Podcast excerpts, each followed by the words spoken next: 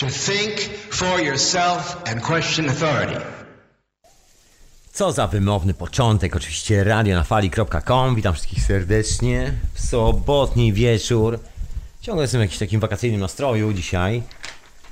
Tak czy siak, witam Was serdecznie. Witam wszystkich mecenasów Radio na Fali. Pisano wielkie podziękowania za wsparcie radia w ostatnich chwilach, które były to może nie dramatyczne, ale takie troszkę weryfikujące. Yy, I oczywiście przypominam, że książki do Was, jeżeli jeszcze nie doszły, to właśnie dochodzą. Mam nadzieję, że dotarły i że jest miła lektura. Za książki odpowiada oczywiście Grzegorz. Czas snu, moi drodzy, czas snu. Właśnie, bo ja dzisiaj odpuszczam troszeczkę wieczorową porę, robię sobie takie trochę wakacji na sprawę, że mam tu jedną rzecz do zrobienia wieczorem, zatem nie będzie dzisiaj wieczorowej pory, jest tylko hiperprzestrzeń, ale tak czy siak, ponieważ ruszyły nam serwery, nastąpi rozładowanie naszego kontentu, który się troszeczkę pozbierał ostatnimi czasy, kiedy serwery stały w miejscu. Także pojawi się czas snu, pojawi się etykieta zastępcza, pojawi się teoria chaosu, hiperprzestrzeń, wieczorowa pora i tak dalej. I może coś tam jeszcze. Zobaczymy, proszę Państwa. Także szczęśliwie wszystko już działa i grunży działa, proszę Państwa. Bardzo się z tego cieszę. Oczywiście 100 lat wszystkim tym, którzy są dzisiejszymi solenizantami. Ja tam jak zwykle na Skype'ie mam takie zgłoszenie, kto zaś ma urodziny, jest jak zwykle tego trochę. Trochę tych postaci, także 100 lat moi drodzy, 100 kosmicznych lat. Niech wam moc sprzyja. Właśnie, powiedziałem już o akcji Upload z całym tym contentem, który się pozbierał. No właśnie, a dzisiaj e, garść takich postserwerowych, można powiedzieć, i postspacerowych refleksji z miodem. Będę dzisiaj nawracał do pewnego filmu dokumentalnego, który jeden ze słuchaczy podesłał na czata swego czasu. Ja o tym filmie ostatnio mówię, bo jakoś tak opętał moją głowę. Tak mi się podoba. Wydaje mi się, że pokazuje doskonale takie parę sytuacji, które można przyłożyć do wielu miejsc i wszędzie na świecie wygląda bardzo podobnie. Taka jakaś historia i chodzi mi po głowie także dzisiaj troszeczkę na ten temat i o intencji, bo książę Edward mnie ostatnio troszeczkę wywołał u siebie, jeżeli ktoś słuchał księcia Edwarda, no to wie o co chodzi, jeżeli ktoś nie słuchał, to chwilę poczeka, usłyszy, połączy te dwa fakty i zobaczymy, co z tego wyjdzie.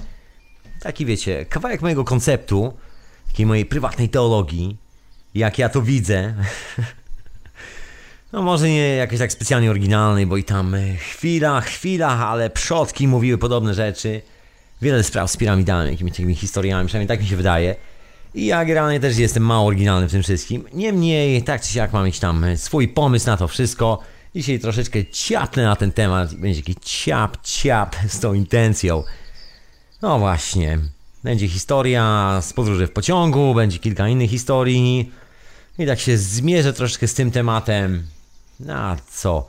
Szczególnie po tym, że serwery już ruszyły i w ogóle tej całej historii z dziwnymi pomysłami, które tam się pojawiły w komentarzach. I ja troszkę wyjaśnię może swój punkt widzenia na wiele spraw, bo wydaje mi się, że pomimo, że mówię tutaj czasami tyle na ten temat, właściwie tylko na ten temat, to ciągle czasami nie dociera. Czasami mi się tak wydaje. Dokładnie. Ale spokojnie będę używał y, francuskiego, nie będę klnął, postaram się zrobić to w cywilizowany sposób. Elegancko się sklnąłem w komentarzu. No ale wszystko wyjaśniam, mam nadzieję, że doskonale zrozumiecie i że był to ostatni raz, kiedy w ogóle dyskutujemy w ogóle jakie sprawy, tak mi się wydaje. Przynajmniej, przynajmniej ja dyskutuję takie sprawy. No i tak się czuję, że nie do końca sedno życia leży w takiej formie i takiej relacji z rzeczywistością, ale o co konkretnie chodzi? O tym dzisiaj opowiem w hiperprzestrzeni. Mam troszkę muzyczki, a żeby było miło, tak troszkę nawiążę do ostatniej etykiety zastępczej, puszczę polską piosenkę. A co? Niechaj będzie taka piosenka sprzed lat. Troszeczkę lat minęło, trochę lat minęło. Gentlemana nie ma już z nami, chyba że jest w nowym wcieleniu, tego nie wiemy. No mniejsza o to. Posłuchajmy.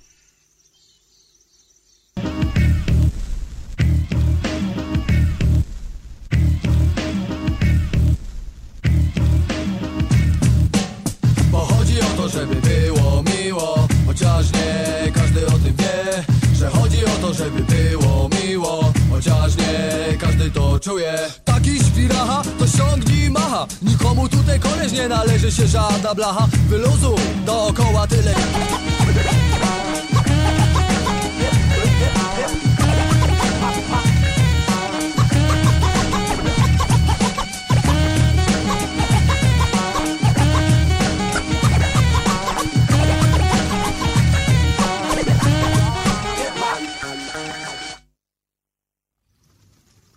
Nie pozostaje mi powiedzieć, że też tak to czuję. Radionafali.com Oczywiście transmitowane też, e, retransmitowane w Radiu Paranormalium. Pozdrawiam zarówno Iweliosa, jak i Radio Paranormalium i słuchaczy Radia Paranormalium, bo tam też jest czat, e, bo ja tu jestem na czacie Radio na Fali, właśnie, bo zapomniałem powiedzieć, że oczywiście jest czat radionafali.com, trzeba wejść na stronę, wbić się na czata, zalogować i jesteście tam jednym okiem. Jestem. Chwila, chwila, przeczytałem pytanie od Grzegorza, za chwilę odpowiem. I co jeszcze poza oczywiście czatem? Poza czatem jest Twitter, poza Twitterem jest Facebook. Za chwilę tam się pojawią oczywiście zaległe podcasty. Chwilę to potrwa, bo to trzeba rozładować, bo my sobie zrobiliśmy takie troszkę wakacje i się pobijaliśmy, co tu dużo mówić. Przynajmniej ja mówię za siebie, sam się pobijałem i nie wszystko pomontowałem.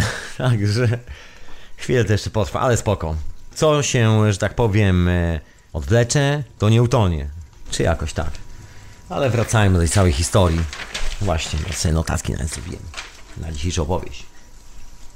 Chodzi o to, żeby było miło. Właśnie, to może zacznę od takiej historii, jak to się dzieje, że czasami jest dziwnie. Historii, w ogóle tej spacerowej historii, pospacerowej historii, można powiedzieć. Po Londynie, z moim dobrym przyjacielem, który wpadł w odwiedziny ostatnio i troszeczkę sobie pochodziliśmy, pogadaliśmy, kilka ciekawych koncepcji się pojawiło podczas tych rozmów. No i jedna z tych koncepcji właśnie dzisiaj tak się wyjaśni w tej audycji, może nie tyle wyjaśni, ale się wyjawi w tej audycji. No, oczywiście nie w całości, ja nie chcę was zamęczyć jakimś swoim światopoglądem. Nie jestem tu od zbawiania, jestem tu od bycia Mesjaszem. Nie, nie, to jest taka swobodna moja refleksja, właściwie kawałek tej refleksji, taki w sam raz, żeby rzucić wam na ucho w ten jakże radosny sobotni wieczór. Siebie. No to co? To zacznijmy od tej historii. Bo jak sobie podróżowaliśmy po tym mieście, no i wracając z ostatniego takiego dnia, gdzie zrobiliśmy sobie taką miłą traskę, odwiedziliśmy kilka ciekawych miejsc, zobaczyliśmy tak jak wygląda taki prawdziwy Londyn wieczorem, gdzie ludzie wychodzą z pracy, zasuwają do pubów, jest troszkę inna atmosfera, w mieście robi się troszkę ciemniej, zapalają się latarnie, you know what I mean. Romantycznie się robi w okolicy. Jest taka, taka fajna atmosfera po prostu. To takie fajne miasto kameralne. Przynajmniej tam, gdzie jest niska zabudowa, tak że ten kameralny nastrój robi swoje. No w każdym razie, kto był, to wie, kto nie był, to jeżeli odwiedzi to miasto kiedykolwiek, to na pewno to zauważy. Ja tu mieszkam i powiem szczerze, do tej pory to zauważam. Nie da się, nie da się od tego uciec. No ale zostawmy może atrakcje turystyczne miasta Londyn i wróćmy do atrakcji socjologicznych. Jakie eksperymenty socjologiczne wręcz się odbywają na oczach mieszkańców tego miasta. Jest to duże miasto, żywa arteria, milionowa arteria, miliony ludzi pędzących z jednego końca na drugi, pociągami, metrem, autobusami itd. Tak ja z swoim dobrym przyjacielem też poruszaliśmy się metrem i pociągiem. No i w pociągu spotkała nas taka ciekawa historia, bo w pociągach w Anglii, podobnie jak w pociągach praktycznie wszędzie na świecie, jest podział na pierwszą klasę, drugą klasę, albo jakoś tak, albo na pierwszą klasę i całą resztę. Tak można to zgrabnie ująć. Tam oczywiście jest droższy bilet, specjalny bilet, tam oczywiście zawsze jest miejsce. Nie ma nigdy tłoku. Jeżeli wszyscy się tłoczą w pociągu, co dosyć kuriozalnie wygląda, wygląda troszkę jak ryby w puszce, takie szprotki napakowane do takiej stalowej puszeczki. I wszyscy mniej więcej wyglądają jak te ryby w puszce, a tam jest tak luksusowo, jest dużo miejsca. No i tak sobie akurat wbiegliśmy do pociągu w ostatniej chwili i nie chciało nam się iść dalej, bo zatłoczony był jak diabli. Zostaliśmy dokładnie przy drzwiach do tej pierwszej klasy i to tak się oparliśmy o drugie drzwi, że właśnie nasz widok stanowiły wszystkie sytuacje, które się działy w owym przedziale pierwszej klasy. No i obserwujemy. Jak sobie rozmawiamy o różnych rzeczach, a tam się zaczyna dziać historia. Wychodzi pani konduktor, oczywiście pociąg ruszył, i pani sobie sprawdza bilety i szczególnie zainteresowała się jednym dżentelmenem, który coś chyba jej tak niewyraźnie wyglądał, albo jakoś tak. Generalnie wszyscy dali bilety, ona sprawdziła, ale przy nim stanęła. Tego momentu, dlaczego tego nie widzieliśmy, bo akurat w tym momencie o czymś rozmawialiśmy. I się okazało, że coś jest nie tak. Ten gentleman już się rozłożył z laptopem, z telefonem, z portfelem, ze wszystkim. Na tym stoliku takie przenośne biuro zrobił. Rozmawiał z kimś bardzo uporczywie przez telefon i zbywał tą panią, tak jakby troszkę odmachiwał. Machnął jej biletem i tak odmachiwał troszkę jak muchę. Ona poprosiła go o bilet.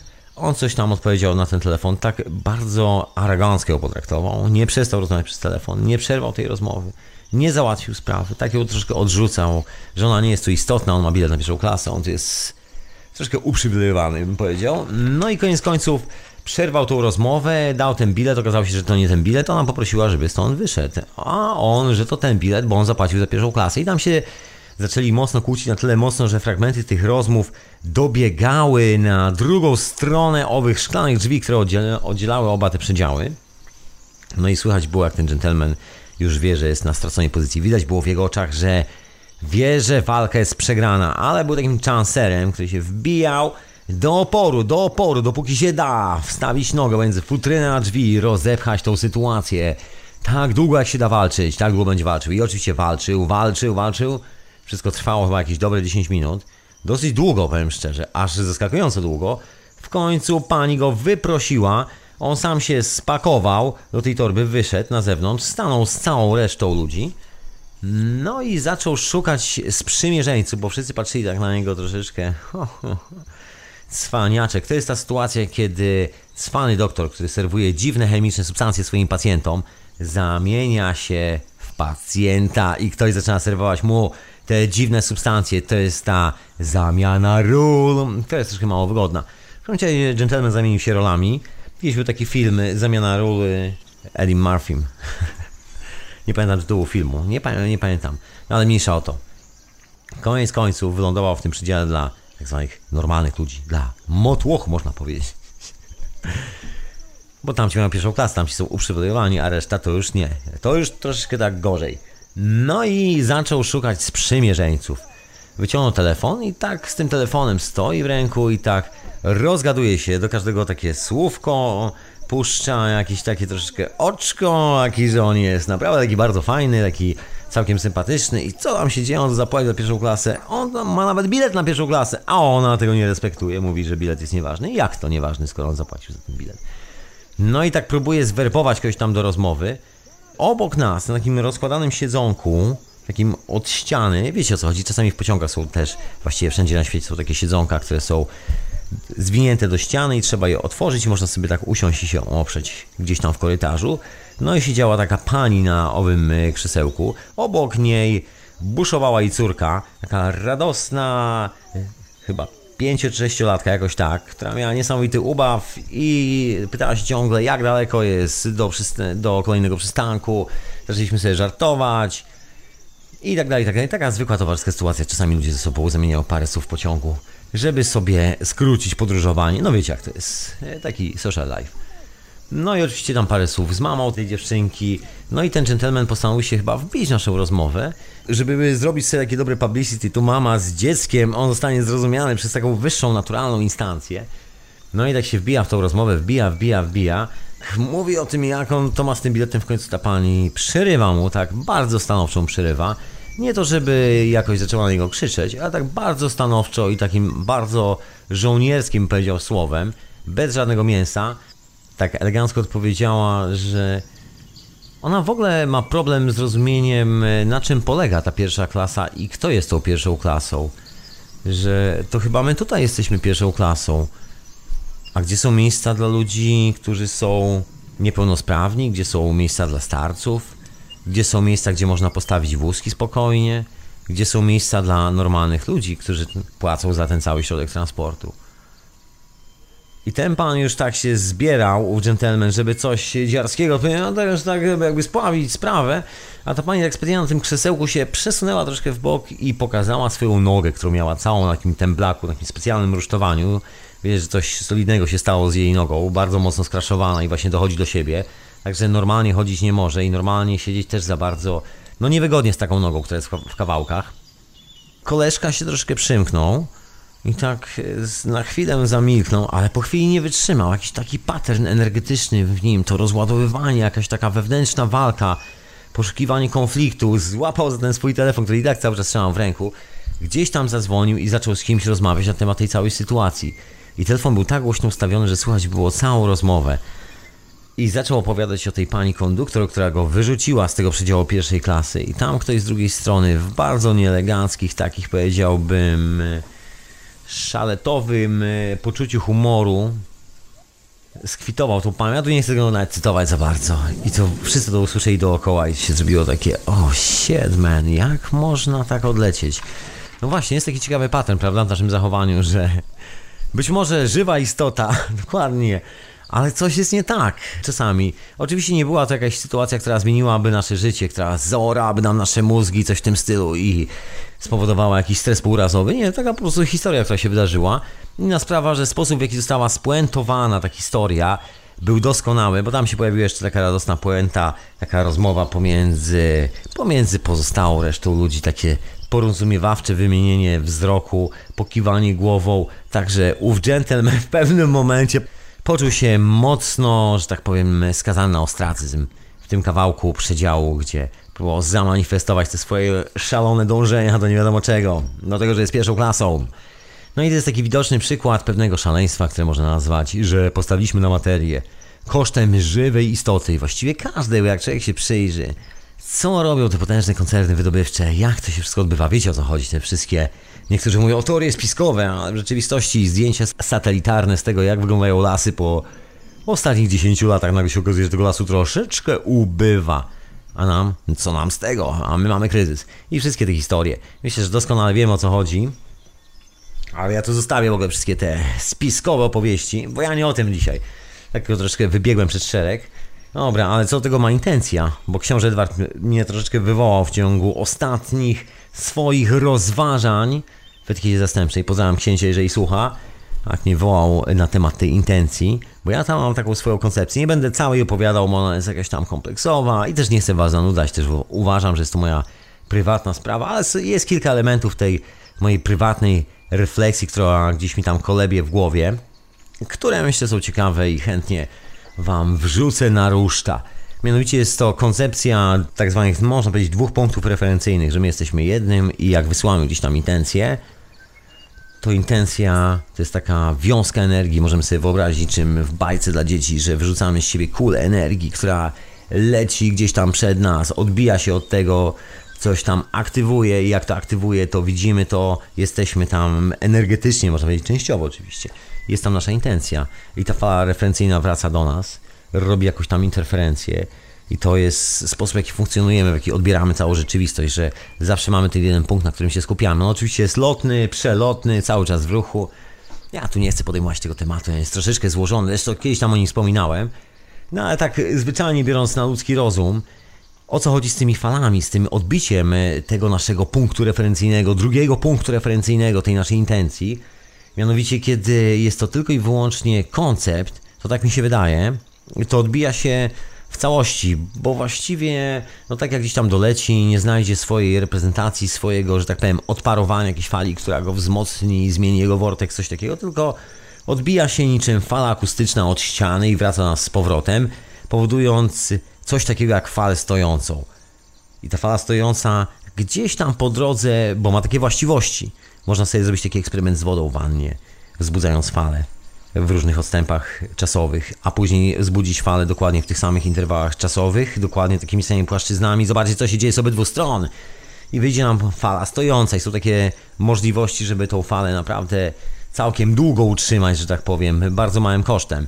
No i dokładnie tak samo się dzieje z naszą z naszą intencją, tak mi się wydaje, kiedy się odbija od tego punktu referencyjnego, na który zawiesimy swój wzrok, swoją uwagę, cokolwiek to jest, możemy to nazywać w różny sposób, no to otrzymujemy taką falę, która wraca do nas i wpada w interferencję z tą oryginalną falą, a że jest dokładnie tym samym, wytwarza się fala stojąca, która też nie do końca jest falą stojącą, bo to ciągle jest wszystko w ruchu i ona gdzieś tam się przesuwa zawsze w naszym kierunku i troszeczkę wytłumia nasze, można powiedzieć, dobre samopoczucie, nasze kumanie większej całości, wytłumia naszą energetykę, tak bym to nazwał. To jest taki mój koncept.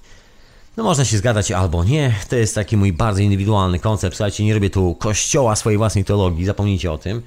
Takie wiecie, wnioski z moich przemyśleń, sobie robię takie różne eksperymenciki i to bardzo podobnie wygląda w urządzeniach, w opisach owych dziwnych, tajemniczych urządzeń Free Energy. I nie tylko, i w takich konkretnych opisach eksperymentalnych z laboratorium, gdzie się robi takie eksperymenty, które do tej pory właściwie nie mają wyjaśnienia. Znaczy tam są różne interpretacje tych eksperymentów, ale to można sobie zostawić na bok. Ale zawsze warto przeczytać nie tyle wnioski z eksperymentu, ile wyniki eksperymentu, to co się tam wydarzyło, czyli to co panowie zmontowali, odpalili i co się stało. I powyciągać sobie może samemu wnioski czasami. Jest to myślę taki ciekawy sport intelektualny i nie tylko intelektualny.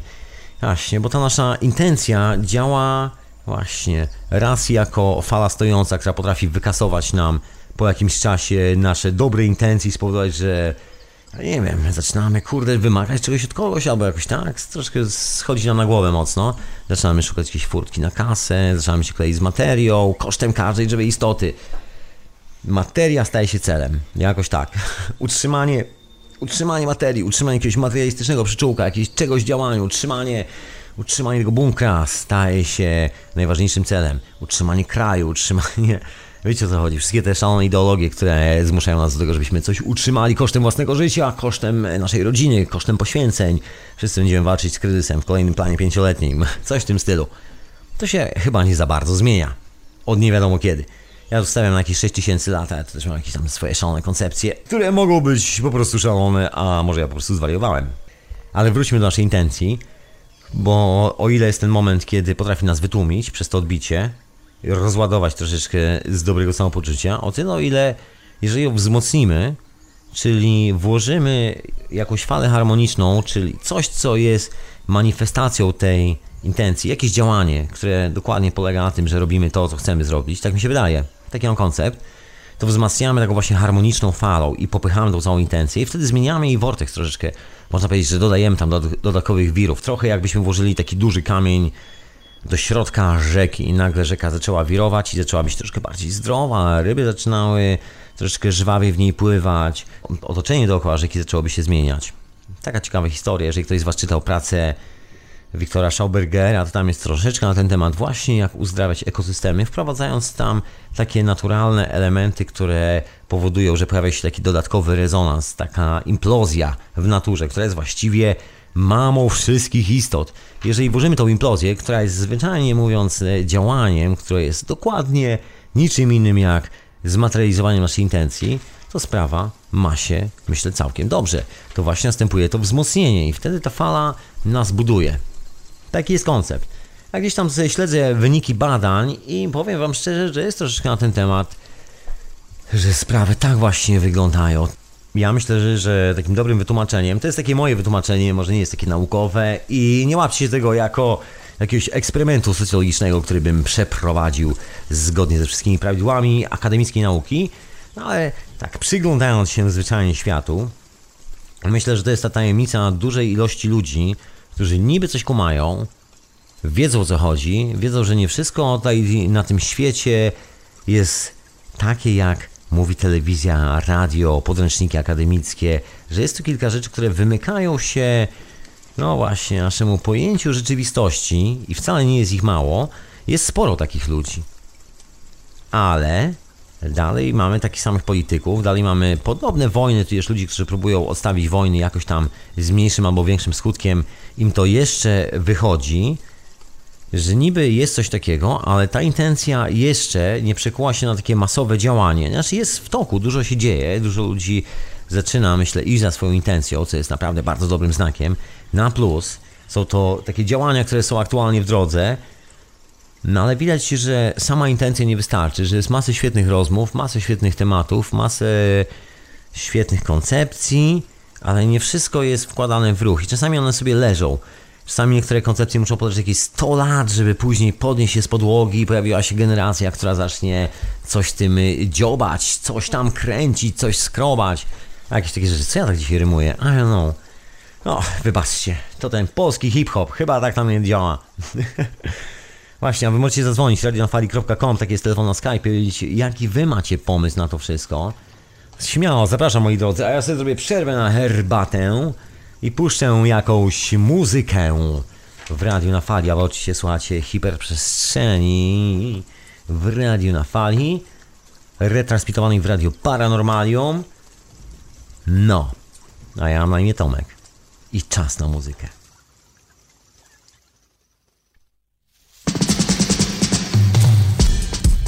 Purity attack, unrighteous step back. Purity attack. Unholy step back. Purity attack. With a purity rock. Unrighteous step back.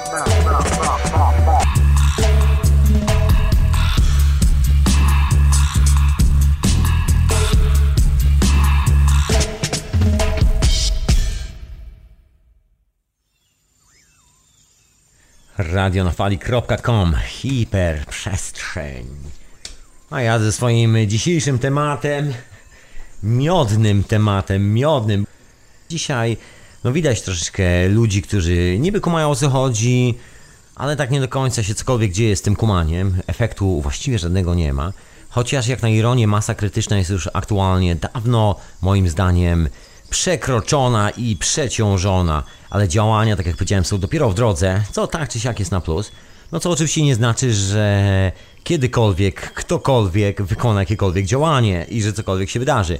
Jest to tylko i wyłącznie szansa na to, żeby wykonać to działanie, przynajmniej jak na razie. Jeżeli je się wykonuje, to wtedy jest wykonywane. Ja to też mam takie troszkę podejście, że albo coś jest, albo czegoś nie ma. I nie ma tak, że jest w drodze, trochę jak w ciąży. Albo się jest w ciąży, albo się w ciąży nie jest. Nie może być w połowie w ciąży. Albo jest noc, albo jest dzień. Takie proste podejście. Ja taki prostacki jestem pod tym względem. Ale wracajmy do tematu, bo tam drugą historię. Bo tak troszkę zjechałem tego gentlemana, opowiedziałem o jego dziwnym eksperymencie socjologicznym, który chyba nie za bardzo wyszedł w tym pociągu. Ale to nie jest tak, że tylko ten gentleman. Słuchajcie, każdy z nas robi takie numery. Opowiem wam historyjkę swojej młodości. Kiedy to ze swoimi przyjaciółmi udałem się do lasu ze swoimi przyjaciółmi na wyprawę w góry. I wybraliśmy się na tą wyprawę. Umawialiśmy się na tą wyprawę, była z czterech. Wybraliśmy się razem wspólnie, pociągiem, autobusem, dojechaliśmy górki w Karkonosze. Wybraliśmy się na łąkę, do lasu i tak tak. I kiedy przyszedł ten kluczowy moment, że postanowiliśmy napić się herbaty, okazało się, że mamy wszystko za wyjątkiem jednej niezbędnej rzeczy. Mianowicie chodzi o kubek, metalowy kubek albo garnek, w którym można podgrzać wodę. Mieliśmy wszystko. Mieliśmy paliwko turystyczne, mieliśmy, mieliśmy zapalniczki, mieliśmy cały zestaw, mieliśmy wszystkie możliwe herbaty, mieliśmy kawę, mieliśmy wodę, mieliśmy wszystko. Mieliśmy tylko tego jednego kubka, w którym moglibyśmy cokolwiek podgrzać. A kubka nie było z jednego prostego powodu, ponieważ każdy z nas myślał, że ktoś weźmie ten kubek. I każdy z nas pomyślał, że ktoś to weźmie i nikt tego kubka nie wziął łącznie ze mną. Także koniec końców wylądowaliśmy w poszukiwaniu jakiejś ciepłej e, wody, wrzącej wody, żeby móc skorzystać z naszych napojów. Pomocy schroniska, które spotkaliśmy po drodze, trzeba było zejść w dół. Nie było to nam absolutnie po drodze. Mieliśmy taki pomysł, żeby omijać te schroniska jak najbardziej. Mieliśmy taką autorską, że tak powiem, wyprawę w góry. No i okazało się, że daliśmy centralnie ciała. I to jest troszeczkę tak, mi się wydaje, z każdym z nas. Czasami każdy potrafi zapomnieć kubka. No właśnie, to jest to takie indywidualne działanie. Takie bardzo indywidualne działanie, proszę Państwa. Właśnie, bo ja tu nawiążę do tych zbieraczy miodu. Bo to jest taka ciekawa historia. Z tym dokumentem, o którym tu wspomniałem. Bo ja tak się przypomniałem, e, przy, przyglądając się temu dokumentowi, jak oni współpracują ze sobą. Jak to wygląda, że tam jeden koleś zasłabnie troszeczkę po zbieraniu tego miodu, po tym jak za dużo tego miodu zje czasami, albo zje po raz pierwszy taką ilość świeżego miodu, no i czasami troszkę go tam y, poniewiera po drodze i jak oni się wszyscy sobą opiekują, jaka to jest społeczność zbieraczy miodu. I to jest właśnie taka społeczność, o której tu wspominałem, bo ostatnio jestem trochę zafascynowany tym filmem dokumentalnym, że są to ludzie, którzy mieszkają w tych najbardziej odległych partiach Himalajów. Tam nie ma bankomatów, tam można dojść tylko chyba przez 4, może przez 3 miesiące w roku przez resztę czasu ta społeczność jest odizolowana od świata, ponieważ jest to gdzieś, gdzieś w takim miejscu, gdzie ptaki już dawno, że tak powiem, tyłkami zawracają i nie ma już nic poza krainą wiecznego śniegu. I oni tam sobie mieszkają, są kompletnie samowystarczalni i właściwie nie robią żadnego interesu. Pieniądze nie funkcjonują jako takie, bo nie ma, nie ma infrastruktury do pieniędzy, nie ma bankomatów, nie ma banków, nie ma niczego, nie ma państwa. A czy jest oficjalnie jakieś państwo, oni gdzieś tam należą i czasami się jakiś urzędnik państwowy tam na osiołku przypełznie, ale właściwie nie za bardzo może zrobić, bo zależy od tych ludzi. Jeżeli oni dadzą mu jedzenia, to on tam zginie z głodu, także nie za bardzo można im podskoczyć, bo to jedyne takie spoty, takie miejsca w tych górach, w tych niedostępnych miejscach, gdzie człowieka zawsze przyjmują do domu, zawsze dadzą coś do zjedzenia, zawsze są mili życzliwi, a jeżeli jest się miłym, to naprawdę jest się bardzo mile traktowanym. I w tym dokumencie jest taka scenka, jak przejdzie taki młody człowiek z gwiazdką na koszulce, z napisem, że jest jakąś tam partią komunistyczną Nepalu, czy Himalaju, czy cholera wie co, i tam próbował ich agitować jakimiś tekstami. A oni właśnie szli po ten miód i tak się patrzyli na niego, dawali mu tam szansę przez moment, że może pójdzie z nami, może nie, zobaczymy, może się wybierze na miód, a on tak zdecydowanie stwierdził, że jednak chyba nie za bardzo Nie złapał porozumienia chłopak. Okazało się, że materia, system, jakiś, jakaś ideologia jest ważniejsza od istoty żywej. Każdej.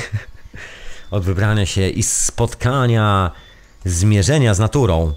Właśnie, bo z tymi pszczołami jest w ogóle ciekawa historia. Dzisiaj nie, nie przez przypadek nawiązuję do tej opowieści. Nie przez przypadek. Bo poza tym, że oczywiście mają taki pattern współpracy, taki pattern energetyczny, że oni razem odbierają to całe jakby zjawisko, razem sobie pomagają, współpracują. Zupełnie inne przeładowanie, słuchajcie, energetyczne niż w naszej cywilizacji. U nas ta współpraca jest troszeczkę taka nie za bardzo bym powiedział. Nie za bardzo. Różnie to bywa w każdym razie.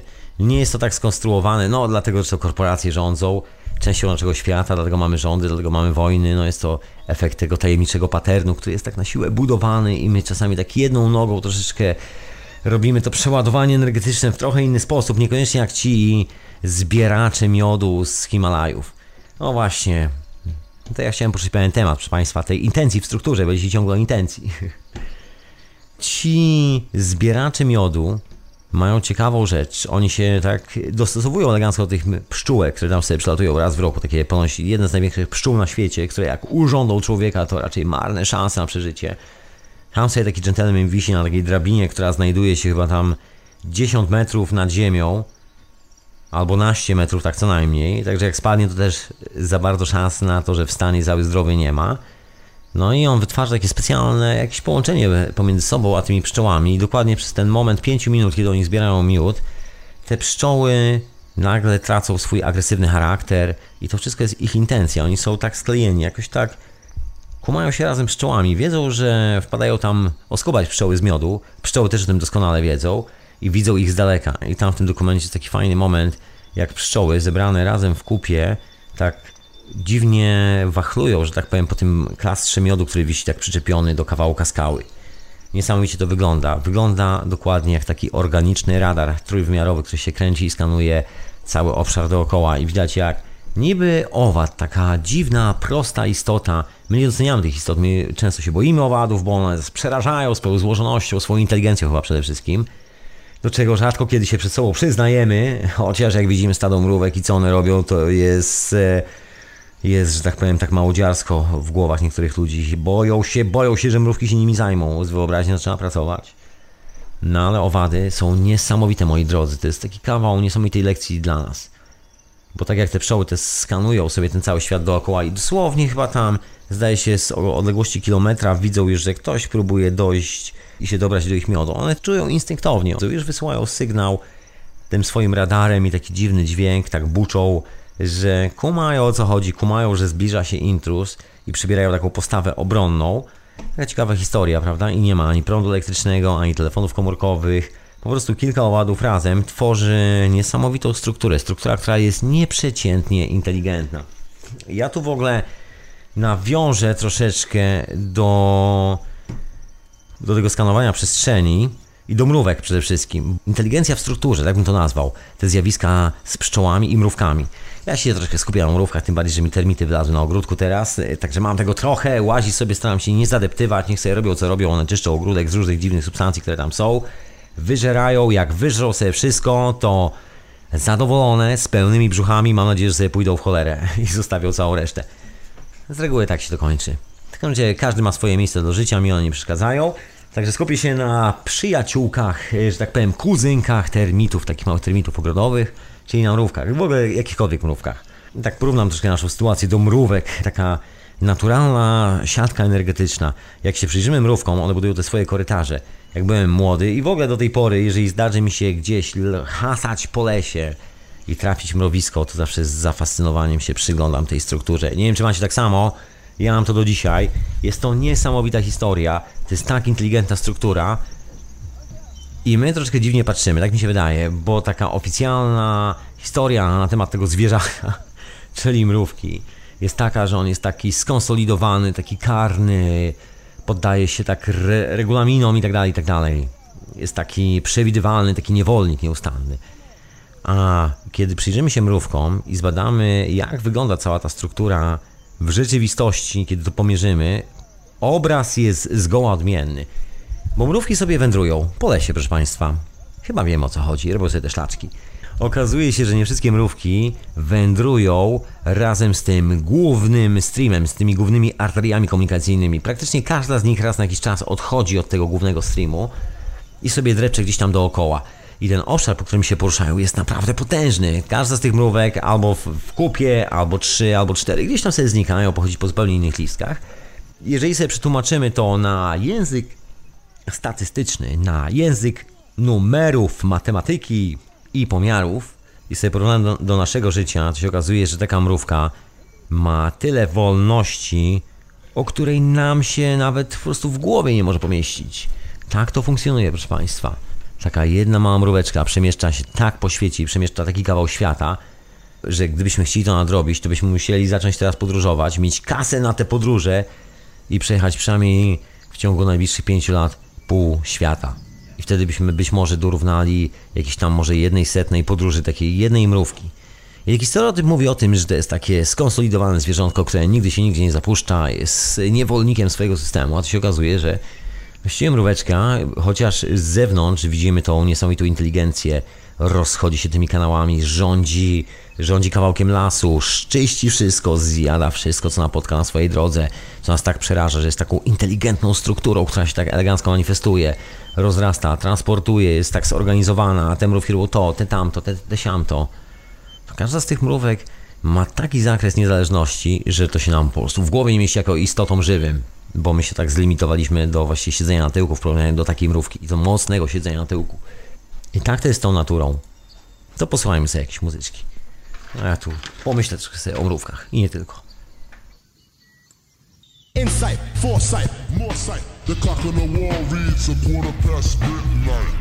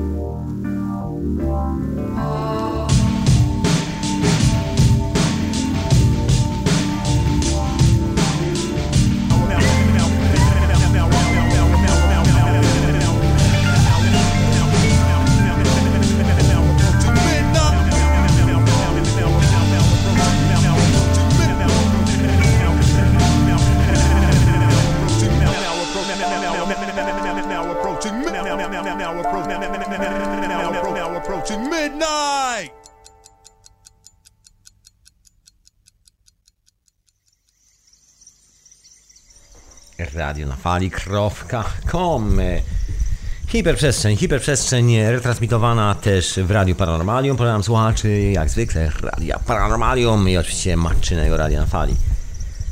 Jak zwykle sobie muszę poprawić mikrofon, to lecę dalej z tymi swoimi refleksjami e, postspacerowymi, ociekającymi miodem filmu dokumentalnego o zbieraczach miodu z Nepalu. Wróćmy zatem do tego paternu natury, bo to jest w ogóle historia taka dosyć ciekawa. My mamy taki swój naukowy, można powiedzieć, znaczy my w cudzysłowie oczywiście jako społeczeństwo, cywilizacja mamy taki swój pattern, odpowiedź na to, jak to niby działa, swoją własną strukturę informacji, którą nazywamy uniwersytetami, naszymi urządzeniami pomiarowymi itd., tak itd. Tak Tworzymy tą własną strukturę, która moim zdaniem jest kompletnie w opozycji w stosunku do tego, czym natura w rzeczywistości swojej istocie jest. Niemniej tak się wydarzyło na tym świecie i właśnie tego jesteśmy świadkiem. No i koniec końców, tworzenie tej całej e, struktury, tego paternu jest związane z podróżowaniem z dala od tych wyznaczonych szlaków. Bo im bardziej chyba wyznaczone szlaki, tym bardziej to oznacza, że ktoś próbuje kontrolować tą strukturę. Te naturalne szlaki energetyczne są takie po prostu wszędzie. Nie wiem jak to określić. One się wydarzają wszędzie, takie mrówki łażą wszędzie, takie pszczoły jak zaczynają latać nad łąką, to latają wszędzie. Widzicie jakieś owady, które zasuwają w jedną i w drugą stronę. Do tej pory na przykład nauka ma taki poważny problem, że nie wie jak pająki się przemieszczają. Jest taka ogólna koncepcja, która mówi o tym, że jest to kwestia hydrauliki, że te nóżki pająka są jak takie małe rurki, w których przedarza się odrobina wody, jakiegoś płynu, za pomocą ładunków elektrostatycznych, ale właściwie nikt do końca nie wie, bo wszystko dzieje się w czasie rzeczywistym. Wszystko jest zjawiskiem, które dzieje się teraz. Nie ma czegoś takiego, że coś przepływa z lewego na prawo, pająk się nie buja, pająk po prostu chodzi tymi nogami dokładnie w czasie rzeczywistym, tak samo je opuszcza na krawędź pajęczyny. Wszystkie naraz. A nie tak, żeby się zawsze kiwał na boki i żeby czekał, aż mu się troszeczkę płynu pomiędzy nogami przeleje z jednej strony na drugą. Klasyczny numer z niektórymi latającymi owadami, gdzie okazuje się, że po przeliczeniu powierzchni skrzydeł te owady fizycznie nie mają prawa wisieć w powietrzu. Miałem takie rozmowy z swoim dobrym przyjacielem tutaj w kuchni na ten temat, jednym, drugim, trzecim, których tu pozdrawiam, jeżeli słuchają w tym momencie. Mieliśmy takie spotkanie towarzyskie, troszeczkę kilka tematów padło przy stole, doskonałych, rzeźkich tematów, że z tymi owadami jest tak, że ciężko nauce zaakceptować historię pod tytułem to machanie skrzydełkami i ta wibracja serca, impulsy, które wydziela taki owad. To jest pewien specyficzny rezonans, którego utrzymuje w troszeczkę innej sytuacji niż nam się wydaje. To nie chodzi o zjawiska aerodynamiczne, tylko chodzi o zjawiska bardziej natury elektrostatycznej. No ten cały dystans do podróżowania z dala od wyznaczonych szlaków to jest taki bardzo indywidualistyczny pattern. Widzimy go wszędzie w naturze, tak się rozsiewają rośliny wzdłuż rzek, że powoli, powoli pierw powstaje jedna roślina, a później minęło lata, kolejne, kolejne. Zawsze taki pattern indywidualizmu w działaniu, że każdy musi myśleć za siebie, każdy musi, że tak powiem, działać za siebie. Wiedza jest w strukturze, która powstaje z naszego działania, co widać po konstrukcjach tego analogowego radaru, czy to jest pajęczyna, po której chodzi pająk, czy to są mrówki, te szlaki komunikacyjne, czy to jest rój pszczół, który automatycznie, tak jak w tym filmie dokumentalnym, zamienia się w taki radar, który cały czas pulsuje, takimi falami przechodzi przez te klastry. Wygląda to niesamowicie jak takie wojskowe radary, które się cały czas kręcą. Tylko, że się pszczółki wyglądają z gracją, moim zdaniem. Ten wojskowy radar mnie troszeczkę przeraża. Anyway, na pewno znacie postać Wiktora Grabennikowa. Było o nim zarówno troszeczkę kiedyś tam w którymś odcinku hiperprzestrzeni wspomniałem, naprawdę parę słów, ale na pewno trochę więcej wspomniałem o nim w syntezie. Jeżeli jeszcze nie słuchaliście syntezy, to Was zapraszam, żebyście tam wpadli. Jest tam w jednym z odcinków troszeczkę na ten temat. Jest to taki gentleman, który opracował metodę lewitacji, korzystania z energii magnetycznej i energii kształtu, jak to nazwał. Wymyślił swoją nazwę do tego, właściwie powtórzył zdrową część eksperymentów Wilhelma Reicha na temat organu i tego, jak działają akumulatory organowe. Niesamowicie łebski gentleman, niesamowicie zdolny, malujący bardzo ciekawe obrazki. Tak w skrócie może powiem o co chodzi, bo może właśnie teraz słuchaczu jedziesz samochodem albo gdzieś w ogóle jesteś w drodze i nie możesz sobie sprawdzić kim był Wiktor Grabennikow, rosyjski biolog, naukowiec zesłany do jakiegoś dziwnego muzeum na zadupiu Rosji Radzieckiej z którego nie mógł za bardzo wyjechać, bo Rosja to taki kraj, żeby gdzieś tam zmienić miejsce zamieszkania, to trzeba mieć paszport i trzeba mieć zezwolenie lokalnych władz, trzeba mieć wizę do innego miasta. Zdaje się, do tej pory funkcjonuje na tej samej zasadzie. Do Moskwy trzeba mieć specjalną wizę. Taki dziwny kraj troszeczkę. Zawsze taki dziwny był. No i Wiktor Grabelnikow siedział tam na tym zadupiu Rosji i wpadł na genialny pomysł, który mu tam troszeczkę wcześniej wpadł do głowy. Generalnie zaczął sprawdzać, dlaczego owady latają, bo stwierdził, że te oficjalne koncepcje, te oficjalne teorie w ogóle nie wyjaśniają żadnej sprawy i zaczął badać klastry miodu, struktury, takie nanostruktury można powiedzieć, czyli te wszystkie naturalne formy produkowane przez naturę, przez roje pszczół, przez te wszystkie małe owady, to jak w jaki sposób mieszkają, w jaki sposób się przemieszczają i tak dalej, i tak dalej, etc. I koniec końców znalazł takiego żuczka, że jak mu zdjął skrzydełka i położył jedno na drugim, to się okazało, że to drugie skrzydełko lewituje. Odkrycie. Przeprowadził serię eksperymentów, opisał je w książce Mój Mir po rosyjsku, czyli Mój Świat po polsku. Książka nie jest przetłumaczona na język polski, z tego co słyszałem jest jakieś tłumaczenie. Ja dostałem linka z tłumaczeniem tej książki gdzieś tam na jakimś serwisie. Niestety nie udało mi się tego ściągnąć, ale sobie przeglądałem, przeglądałem. Ciekawa rzecz, znaczy przepraszam, to było chyba po rosyjsku w oryginale. Ja to w ogóle poluję na wersję papierową, żeby sobie pewnego dnia zorganizować. Jeżeli ktoś z Was ma i chce się podzielić, to zapraszam. Odwiedźcie maila na Radia na Fali, napiszcie do mnie maila, jeżeli chcecie się podzielić właśnie taką papierową wersją książki Mój Mir. No i Grabennikow opisał to całe zjawisko, to jak to działa w owej książce. Oczywiście zostało to potraktowane jako taki żart. Można powiedzieć, że został potraktowany dokładnie jak Nie kto inny jak Baron Mithausen z opowieści, który przemieszczał się na armatniej kuli pomiędzy szwadronami wroga, przelatując nad frontem na drugą stronę. Tak samo Grabernikow na urządzeniu, które było wielkości rozłożonej drewnianej szachownicy, przemieszczał się w czasie i przestrzeni. Przy czym z panem Grabennikowem była ciekawa historia. Zaraz po jego śmierci, kiedy zrobiono inwentaryzację w muzeum, okazało się, że znajduje się tam kilka eksponatów, których pochodzenia nikt nie jest w stanie wyjaśnić. I są to bardzo dziwne eksponaty, ponieważ jak wcześniej powiedziałem, pan Grabennikow był skazany na taką banicję przez system. Dali mu jakieś muzeum na zadupiu, na jakiejś wiosce, gdzie czasami docierała jakaś szkolna wycieczka, żeby się opiekował tym muzeum za jakąś minimalną kwotę finansową. Nigdy już nie wrócił do pracy badawczej w Moskwie, w Sankt Petersburgu. Nigdy już nie wrócił do centrum naukowego. Został tam bez możliwości powrotu gdziekolwiek. No i tam też siedział i tam robił swoje badania. I jako, że nigdzie nie mógł wyjechać, to właściwie nie powinien posiadać takich rzeczy jak rośliny, zasuszone rośliny z miejsc, w których nigdy nie był oraz owady z miejsc, w których nigdy nie był. Aż był, tak jak wspomniałem, bardzo zdolnym człowiekiem i malował. Pięknie malował owady, krajobraz, naturę, był takim naturalistą. Pięknym, bardzo hiperrealistycznym. Jego obrazy są dosłownie trójwymiarowe. Naprawdę robi wrażenie. Taki perfekcyjny artysta. No i na tych obrazkach są namalowane miejsca i owady, które w ogóle nie występują w tej części świata, w której Grabelnikow kiedykolwiek był fizycznie.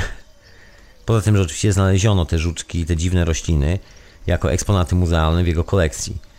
I tu sprawa zaczyna się komplikować. Prawda, że ciekawe? Prawda, że ciekawe? No właśnie, on cały czas mówił o lewitacji, o energii kształtu, o tego typu historiach.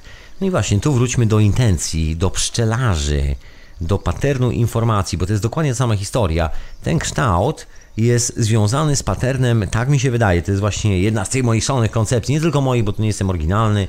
Może niektórzy z Was o tym słyszeli nie raz, nie dwa i właśnie w tym momencie ich zanudzam, ale do rzeczy, do rzeczy. Bo chodzi o to, że tak samo jak ów klaster miodu, tak samo jak my, żywe istoty, które mają ten sam rezonans, kiedy się zbieramy w jakiejś troszkę większej grupie, zaczynamy budować spontanicznie taką strukturę energetyczną, po której się poruszamy, która zaczyna być naszą anteną, zaczynamy się lepiej czuć, bla bla bla. Świat zaczyna wyglądać naprawdę bardzo interesująco i nabiera rumieńców, bym powiedział. Dokładnie to samo tyczy się owadów i to jest ta lekcja od owadów. Dokładnie, pojedynczy owad wydaje nam się takim głupkiem, który nie wie, gdzie jest szyba, jak taka tempa mucha, która próbuje wylecieć z pomieszczenia i trzeba jej czasami pomóc, żeby ją wypędzić na zewnątrz.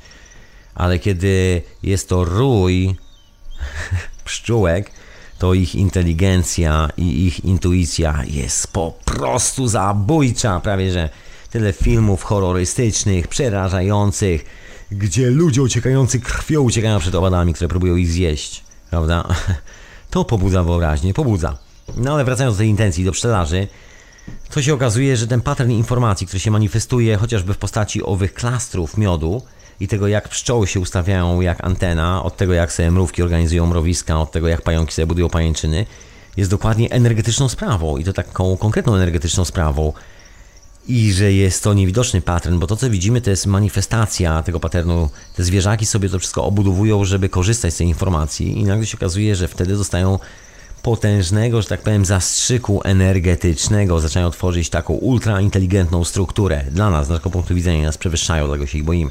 Tak mi się wydaje. Przynajmniej ten strach wewnętrzny o to posądzam.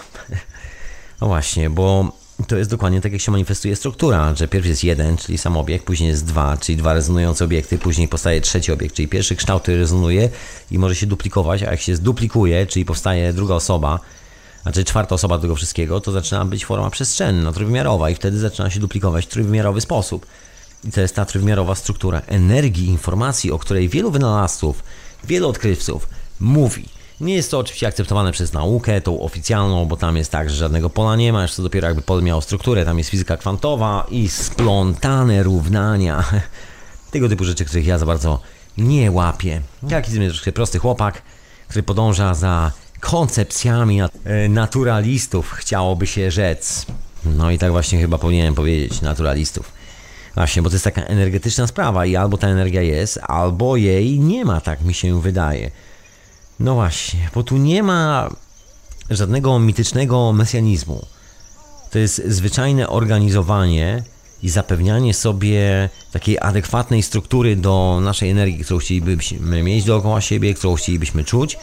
Jeżeli wykonujemy pewne działania, to w tym momencie sobie budujemy tą strukturę. Ona się właściwie spontanicznie pojawia. Myślę, że my nawet nie musimy uczestniczyć w budowaniu tego. Wystarczy, że każdy z nas robi swoje i ona automatycznie się pojawia wszędzie. To jest ten pattern, który jest wykorzystywany przez wszystkie kredyty bankowe i tak dalej. Tam jest taka struktura, że każdy z nas co miesiąc jakoś tak musi coś zrobić, wykonać jakąś czynność, dołączyć jakieś struktury. Ona jest budowana jakieś tam fizyczne przedmioty, które no każdy ma jakąś energię, prawda, przelatują w jedną i w drugą stronę. To przecież musi dokładnie działać. I to jest ta energia, która tam sobie pulsuje. My oczywiście wiemy to, bo każdy myślę, że logicznie sobie zdaje z tego doskonale sprawę, ale czasami dociera do nas ten koncept na poziomie energetycznym. Wiemy o tym logicznie, rozumiemy tę sytuację, ale często pomysły, które przychodzą nam do głowy są dokładnie tym samym, są taką odwrotnością tego, czy właściwie dokładnie takim samym wytracaniem energii, można powiedzieć. Rozmywanie tego wszystkiego, rozmywanie tego punktu referencyjnego, a nie składanie go w konkretny sposób, tak żeby budował tą strukturę.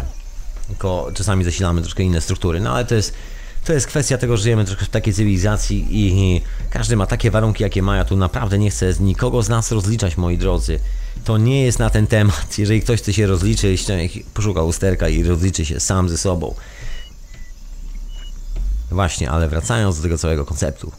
Bo jakiś moment oderwałem od tego wszystkiego.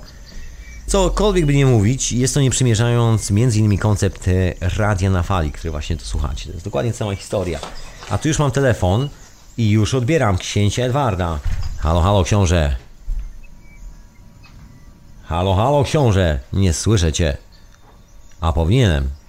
Polecę dalej ze swoimi refleksjami i czekam tutaj na to, aż książę odzwoni. Właśnie, bo to jest taki sam projekt, tak jak wspomniałem, jak Radio na Fali, bo koncept tego projektu jest oparty na takiej samej strukturze, to dużo mówić. Czasami mi się wydaje, że pewna asertywność, w której chcemy na siłę uczestniczyć, próbując wysyłać naszą dobrą intencję w któreś miejsce, jest takim troszeczkę rodzajem samobójstwa. No może nie do końca samobójstwa, jest takim rozmyciem naszego punktu referencyjnego. Dlatego akceptujemy tak mało przyjemną stronę naszego życia związaną z tymi korporacjami, że gdzieś próbujemy jakby związać troszeczkę obydwa końce niepasującej do siebie historii. Ja mam takie troszkę podejście, no wiecie, prosty chłopak jestem, że nie akceptuje za bardzo takich struktur energetycznych, można tak powiedzieć, ale to brzmi, nie? Struktury energetyczne. Nie jest to żadna, tak jak mówię, mitologia, nie jest to żaden mesjanizm i nie jest to żaden mit stworzenia, ani próba budowania religii. Tylko tak mi się wydaje, że jeżeli jest jakiś rezonans, to powinniśmy na niego troszkę pochuchać i podmuchać, jeżeli chcemy, żeby on funkcjonował. I to jest ta miła rzecz. To jest troszeczkę jak bycie fajną mrówką, która jak się okazuje, albo fajną pszczółką, która jak się okazuje też ma taką przestrzeń wolności, lata po tylu miejscach, że gdybyśmy ją porównali do naszego życia, to my właściwie jesteśmy prawie drzewami, prawie w ogóle się nie poruszamy. Ok, czasami zmieniamy miejsce zamieszkania. Ja zmieniłem ich parę w życiu, ale moje życie w stosunku do kilometrów, miejsc, odwiedza taka pszczółka w stosunku do jej skali, tego kim ona jest w tym fizycznym wymiarze, jest praktycznie żadna. Ja naprawdę jestem istotą chyba, która stoi w miejscu. Tak można by to określić. Chociaż wcale nie tak specjalnie stoi w miejscu. Ale jednak, właśnie. No właśnie, i tak jest z owadami. I myślę, chyba dlatego, tak jak wspomniałem, tego boimy, tej właśnie esencji, która stamtąd paruje, tego, że tamten punkt referencyjny nigdy nie ulega rozmyciu, że jak jest kawałek jedzenia, to wszystkie przychodzą i zjadają to wszystko. To jest ten przerażający moment w tych filmach o mrówkach, gdzie wszyscy zasłaniają oczy, kiedy mrówki napotkają jakąś istotę, która, no może jeszcze troszeczkę oddycha, ale stwierdzają, że to jest doskonały obiad i dzięki temu, tak czy jak ta istota umrze, bo już nie ma szans się podnieść, także nie będą, że tak powiem, przeciągały sprawy, nie będą przedłużały całej tej rozmowy, zajmą się posprzątaniem tej historii, przy okazji się najedzą. Oczywiście z naszego punktu widzenia jest jakieś barbarzyństwo i na sprawę, że jak tam się sprawdzi to wszystko, to się okazuje, że mrówki wstrzykują jad w swoją ofiarę, tak zwaną, swój obiad, dzięki czemu obiad szybciutko umiera i ponoć absolutnie nie jest świadomy tego, co się dzieje.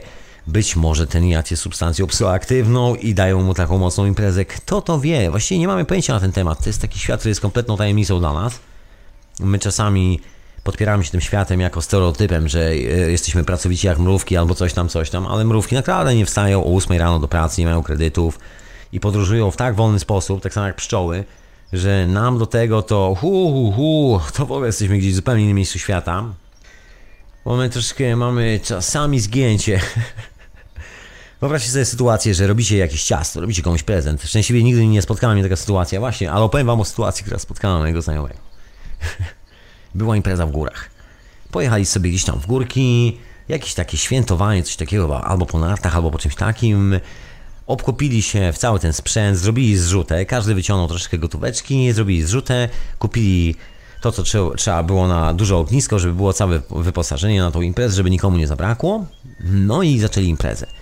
No i sobie robili duże ognisko i tak dalej, i tak dalej. W pewnym momencie podchodzą jacyś ludzie, wyglądali jak turyści, tacy, którzy zeszli troszeczkę z gór, z takim dobrym w miarę sprzętem turystycznym. Widać było, że no może nie są takimi wyczynowymi turystami, ale chyba troszeczkę chodzą, bo takie ciuchy, że tak powiem, trochę bardziej wyczynowe.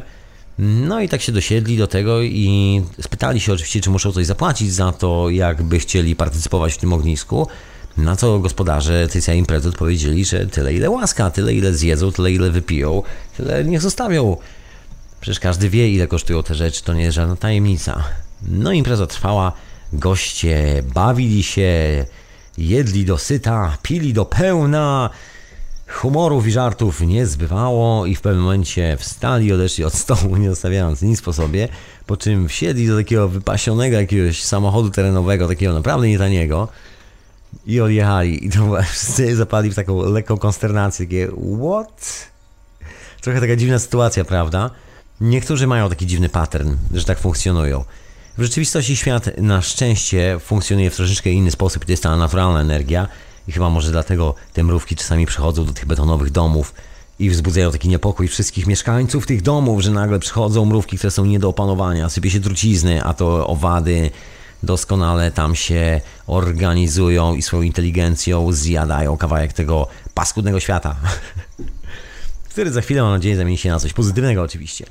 Takie mam podejście do życia, proszę Państwa. No bo to tak jak zrobić komuś ciasto w prezencie, tak? Z dobrej intencji.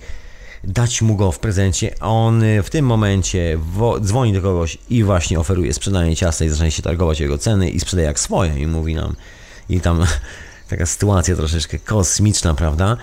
Czasami trzeba się jakoś zachować w takiej sytuacji, no a jak coś takiego się dzieje, no to co to ma być, prawda? no to ja mam takie podejście, że trzeba troszeczkę, może nie tyle polaryzować sytuację, ile nie ma chyba powodów, żebyśmy udawali, że jesteśmy w tym miejscu, w którym jesteśmy i że myślimy to, co myślimy. Tak jest moje podejście do tego wszystkiego. Nie wiem, czy powinniście to robić. Nie, nie każdy powinien podążać tą samą drogą. Myślę, że każdy powinien podążać swoją własną drogą, a nie na czyichś plecach się ślizgać. Dokładnie. Ja to mam taki pomysł, że ta struktura jest taka jasna, widoczna i zapewnia nam taką rzeczywistą niezależność, ta energetyczna, ta naturalna struktura, to jest ten koloryt w praktyce, że możemy korzystać z tylu rzeczy dookoła, że niekoniecznie jesteśmy skazani na jedną wersję rzeczywistości, że możemy sobie budować tą własną rzeczywistość. No i generalnie podoba mi się ten wątek, słuchajcie, taki wątek wyskoczenia poza tą jednostkową i jakąś dualistyczną koncepcję rzeczywistości. Taką troszkę inną koncepcję, która się manifestuje w strukturze energii, którą jesteśmy. Taki koncept na rzeczywistość. Taki koncept z miodem, bym powiedział. To chyba czas najwyższy, żebym puścił jakąś muzykę, skoro tak się wygadałem. A wy śmiało możecie dzwonić radionafali.com. Ja przypominam, że dzisiaj nie odbędzie się wieczorowa pora, nie odbędzie się, ja znikam, mam do wypieczenia dwa chleby, które jutro już będą o tej porze, zdaje się, we Francji. Czy jakoś tak i tam będą zjadane, chyba że zostaną zjedzone po drodze. W dzikim szale. I don't know. To się okaże. Dowiem się o tym troszeczkę później. Być może Wam opowiem o przygodach owych chlebów, a tym razem posłuchajmy piosenki.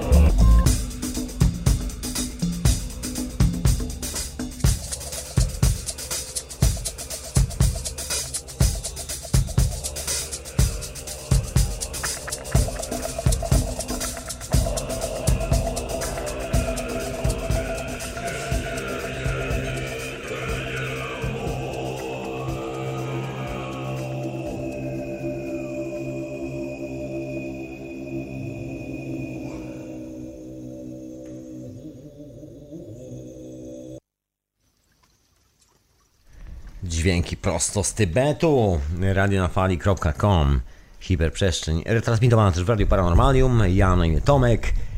I możecie śmiało dzwonić. Dzisiaj troszkę się tak yy, uzewnętrzniam ze swoim konceptem, z kawałkiem swojego konceptu na rzeczywistość, czym to jest dookoła nas, co jest istotne. Przynajmniej z mojego punktu widzenia właściwie są to rzeczy, które są istotne dla mnie. Niekoniecznie muszą być istotne dla kogokolwiek. To już odbieram telefon. Halo, halo, witam serdecznie. Doesn't matter. Halo, halo.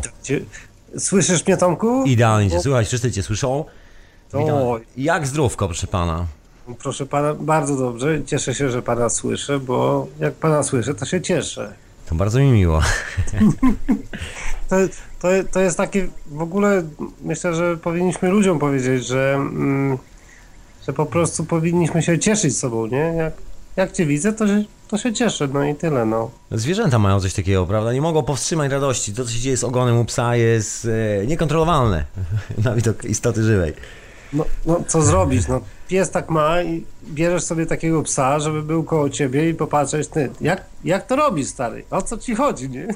Otóż to. Co, jaką ty masz teologię, taką w cudzysłowie teologię, tak używam takich mądrych słów, a dzisiaj na taką sytuację, że powstaje obok inna struktura, ty masz swoją własną, co robisz? Ja jestem taki, wiesz, radykalny i mówię, go away mi z tą złą strukturą, ja dostaję swojej własnej, rozumiesz?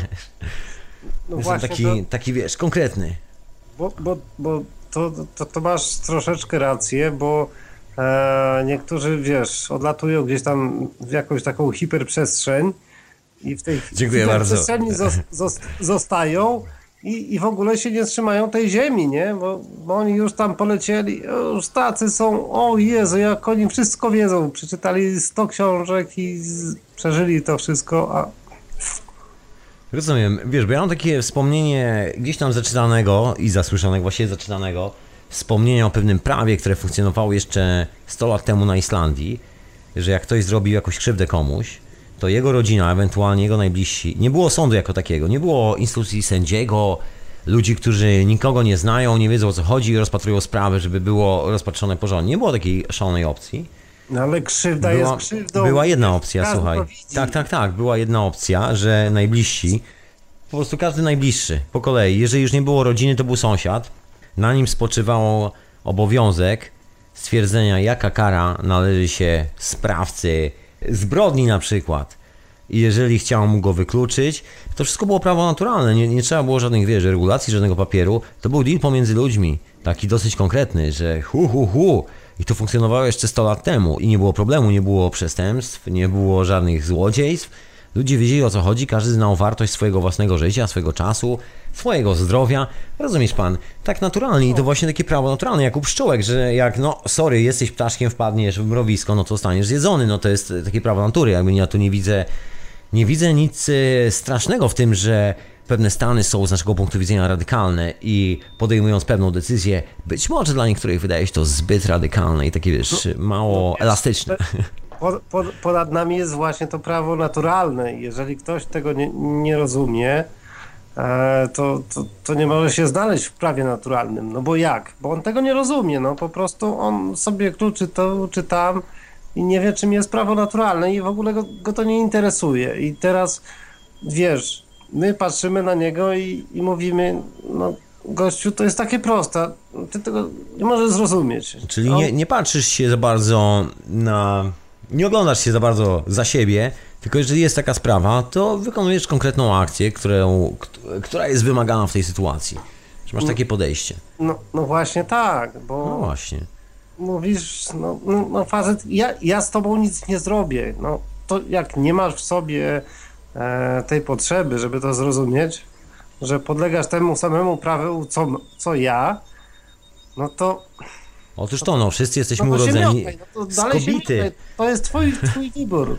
Ja Otóż nic to. z tym nie zrobię, bo ja jestem w prawie naturalnym, więc sorry. No doskonałe, to się okazuje, widzicie drodzy słuchacze, że no nie jestem tu oryginalny, się okazuje, że jest nas troszeczkę na świecie, takich dżentelmenów, którzy mają troszeczkę takie swobodne podejście do tego i zdają się na prawo naturalne. No, no tak, no bo Otóż to, no nic innego chyba nie działa. Ja to tak się, wiesz, przeglądam temu światu, tak zwyczajnie swojemu życiu nawet, bo te paterny energetyczne, ja to tak sobie nazywam na swoje własne potrzeby, bo mi jest tak zwyczajnie wygodniej, bo ja czasami tam siadam z lutownicą i dla mnie jest taka frajda łączenia tych kilku spraw do kupy, bo to wszystko jest dla mnie takie bardzo kompleksowe, ale tu nie będę nikogo zanudzał.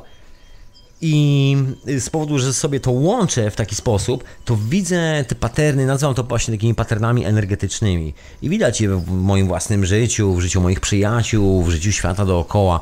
To jest dla mnie takie oczywiste. Od pewnego momentu oczywiście gdzieś tam zacząłem się troszkę chyba bardziej przyglądać tym mrówkom i pszczółkom. Troszkę y, nauczyłem się od tych owadów. Wskoczyłem w to ich pole informacyjne, można powiedzieć, przyglądając się im. No tak, bo, bo sobie zdajesz sprawę, że jesteś w tym polu informacyjnym i, i, i, i po coś tu jesteś i, i chcesz to zaznać. Tak? Zauważyłeś, jak latają te malutkie owady, te malutkie myszki po jakichś dziwnych No, trajektoriach. no Pał, tak. pał, pał, pał. Ja to w No ogóle... okej. Chciałbym leda przyczepić do takiej muszki. one, one będą je gryzły, one będą kombinowały i tak dalej. Dobrze, dobrze, no sobie tak robią. Otóż to, ja tak chciałbym, oczywiście nie chciałbym niszczyć takiej muszki ani krzywdy zrobić, broń mnie losie. Najciekawiej byłoby zobaczyć, byśmy przykleili do nich takie małe LEDy i nakręcili taki timelapse i zobaczyli, jakie kształty wychodzą z poruszania się tych owadów. Przecież one tam budują takie struktury energetyczne, że ja to nie wiem co.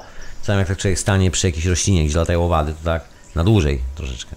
Może, może jakiś horror wymyślasz, Hor, horror. Nie, to ślicznie wygląda, to jest takie bardzo ładne. Ja tam nie mam takiego horrorystycznego podejścia do tego.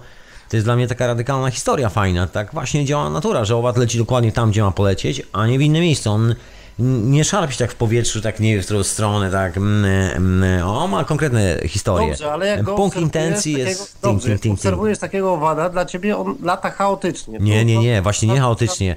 Dla mnie to jest taka kosmiczna struktura. To właśnie nie widzę w tym chaosu. Widzę zawsze jakiś taki ład, który ciężko opisać, ale czuję ten ład, czuję jego powagę. Powiem ci szczerze, dosyć Tak. mocno. I, i to, to, to jest to zauważenie, że patrzysz i mówisz, no, kurczę, jak ta mucha lata tutaj. Tak, tak, tak, tak, tak. A mówisz, ona, ona posługuje się schematem muchy. Dokładnie, proszę pana. I co teraz? Nikt nie zna schematu muchy. No, i jak, jak, jak no, no, no, no i wiesz, i przyjmujesz to, dobrze, no i tak jest, tak? Ta Dokładnie. Ja to mam taką refleksję, słuchaj.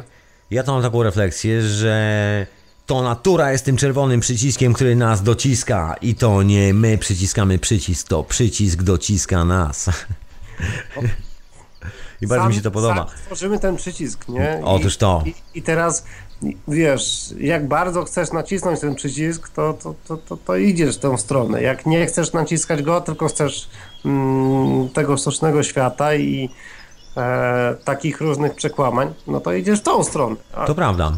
i, I to jest, wiesz, to jest twój wybór, czy idziesz, a pieprzę to wszystko, nacisnę ten przycisk, a niech się dzieje.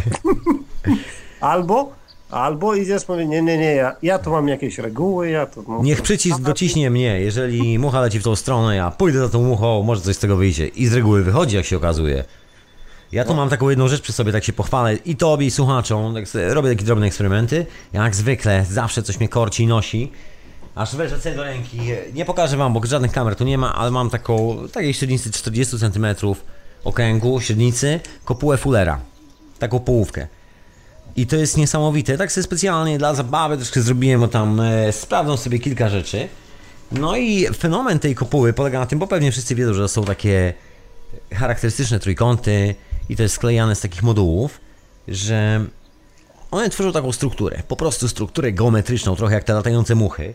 Tylko, że to jest taka struktura, która w naszych oczach ma ład i porządek, bo czasami, tak jak powiedziałeś, jak się patrzymy wiesz, na muchy, to wydaje nam się, że jest chaos.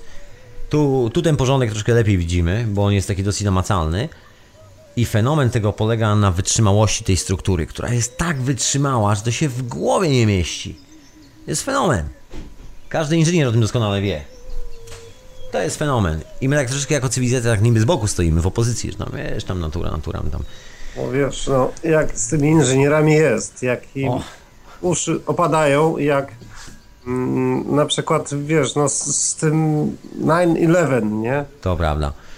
I inżynierowie mówią, no, no, no nie jest możliwe to, że palnikiem nadpalasz e, drut wbity w ziemię i ty go upalasz u góry i on się zawala jak mm, domek z kart. On w ogóle wyparowuje, żeby było zabawniej, bo to jeszcze widać, że No, on znika. i- I, I dokładnie tak, że on się tam zawala, że na nic się nie kładzie, nie? Tylko tak, tak się zawala, jakby tam nic nie było. Ten brak tych wszystkich odczytów pomiarów sejsmicznych ziemi podczas trunięcia budynków się okazuje, że wygląda na to jakby się po prostu przewróciły kartonowe pudełka, co nie do końca nie do końca było kartonowym pudełkiem swoją drogą. No a jest to takie specyficzne. Oglądamy trochę taki hologram. Bo właściwie No, budujemy niestety, ten hologram. Jak jest wysoka temperatura, to nie ma dymu. Nie ma dymu. I, Otóż to. to, to, to jest to, bo jak jest wy, wysoka temperatura spalania czegokolwiek, to, to, to jest jeden wielki płomień i nie ma dymu. Jak jest niska temperatura, to brakuje powietrza i wtedy jest Się pojawia tak, czarny dym. Otóż to, dlatego ognisko dymi. Takie z prawdziwego drewna, świeżego. Bo jest tam woda i dokładnie to samo zjawisko, że jest dodatkowa jeszcze substancja w tym wszystkim, która działa na powolnych czasach, a jak jest wysoka temperatura, to wszystko znika. I topi się w idealny stop stali i praktycznie cała stal, która by się tam stopiła, powinna mieć wręcz idealne parametry, bo takie parametry są otrzymywane tylko i wyłącznie w takich specjalistycznych piecach hutniczych, gdzie jest wtryskiwane powietrze pod, zdaje się, ciśnieniem chyba 2000 atmosfer czasami, czy tam 1000 atmosfer, żeby otrzymać taki czysty stop. To tego nie znaleziono na dole, także taka dyskusyjna trochę ta historia, to oczywiste fakty, takie oficjalne. No Ja to tak myślę, się- bo to jest tak taki, się wiesz, zda- Zdarzyło, tylko zawsze Dokładnie. odpowiedź jest jedna. Kto na tym zarabia? No, ktoś, kto jest panem naszej intencji, ktoś, kto próbuje zostać panem naszej intencji, tak mi się wydaje. I No, czasami to mu jest- się udaje, słuchaj. Jesteśmy zapatrzeni troszkę w ten telewizor, trochę w No. te wszystkie historie, trochę w te gazety, trochę te wszystkie opowieści, które nam ktoś sprzedaje. Zapatrzeni nawet powiedziałbym czasami całkiem dziarsko. Tak się bywa. No, przecież im na tym zależy, nie? No, na tym to polega w końcu. Nasza intencja tworzy rzeczywistość. Pozwólcie, że ja sobie naleję herbaty, ten herbaciany dźwięk. No, oni chcą, żebyśmy mieli taką intencję właśnie. No jest taka grupa ludzi, która właśnie jak uparcie dąży. Ja to się tak zastanawiam, czy przypadkiem nie jest tak, że oni sami już to wierzą. Troszeczkę jak z tym gentlemanem, od którego zacząłem dzisiaj swoją opowieść, z tą pierwszą klasą w pociągu. On chyba naprawdę wierzy, że jest wybrańcem losu.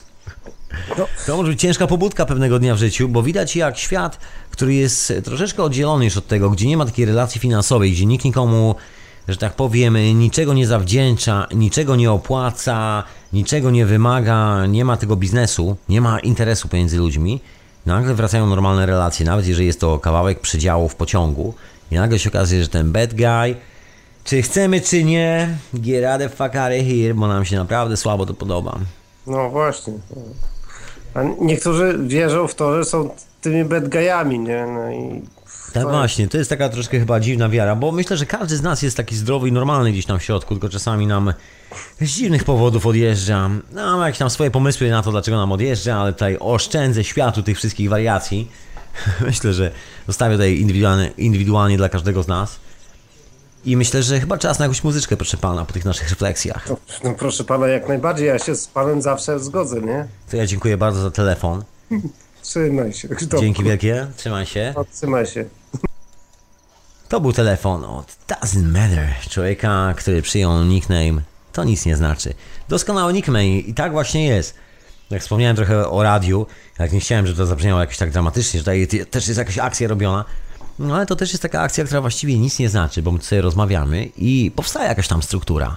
Jak tu sobie szczerze ze sobą normalnie funkcjonujemy, jak czasami mamy siłę, żeby sobie podziękować i się uśmiechnąć do siebie, to wtedy właśnie to powstaje. A wtedy, kiedy wskakujemy sobie na plecy z jakichkolwiek powodów, to nie działa. Absolutnie nie działa. Ja lubię takie duże zwierzaki, które czasami mają pazury i tak dalej, i tak dalej. One mają fajne podejście do sprawy. Są takie bardzo direct. Wiedzą czego chcą, jeżeli czegoś chcą, to idą po sprawę i załatwiają. I nigdy nie śmiecą, nigdy nie zostawiają po sobie żadnych dziwnych rzeczy. I są bardzo podobne do nas, bo niektóre z nich potrafią zwariować czasami. Są takie historie, że te duże koty potrafią czasami zwariować. Nie tylko one, czasami psy potrafią zwariować, każda istota potrafi oszaleć troszeczkę, kiedy jakaś sytuacja przyciśnie do ściany. Myślę, że to świat dokładnie ten, o którym wspominałem wam dzisiaj w hiperprzestrzeni, ten świat tej struktury energetycznej. Wszyscy koniec końców funkcjonujemy w tej samej strukturze i to jest ten tajemniczy powód, dla którego ci ludzie, zanim podbiorą ten kawałek miodu tym pszczółkom, gdzieś tam w górach w Himalajach, robią taką fajną ceremonię, że gotują jedzenie dla siebie. Oprócz tego odrobinę tego jedzenia odkładają mamie naturze. Robią takie coś w rodzaju ołtarzyka, można powiedzieć. Chociaż nie jest to ołtarzyk do końca, jest takie specjalne miejsce, wystawiają to całe jedzenie, niech tam natura, niech te wszystkie bakterie, ptaki, cokolwiek tam żyje, przyjdzie i sobie to zje. I to jest część ich obiadu, bo to nie jest coś specjalnego, co gotują tylko i wyłącznie dla tej istoty, żeby mogli taką potłuchę robić, że tam wygotują taki tani ryż, a sobie wezmą trochę lepszy. Nic z tych rzeczy jest ta sama intencja. Mama natura dostaje taki sam posiłek jak oni przed tą finalną wyprawą. No bo już wiedzą, że za chwilę pszczoły ich wyczują, jak tylko minął zakręt, pszczoły ich po prostu poczują, zanim nawet ich zobaczą. I że zacznie się ten dziwny efekt, który widać na tym klastrze miodu, że to zacznie wyglądać jak wielki, taki pulsujący radar, który się kręci w kółko. Troszeczkę jak na takich wojskowych, dziwnych urządzeniach. Teraz te wojskowe urządzenia często są obudowane taką kopułą, która jest biała i wygląda czasami jak kopuła Fullera. Tam są właśnie schowane te dziwne radary, które właśnie tak wirują, trochę jak te pszczółki.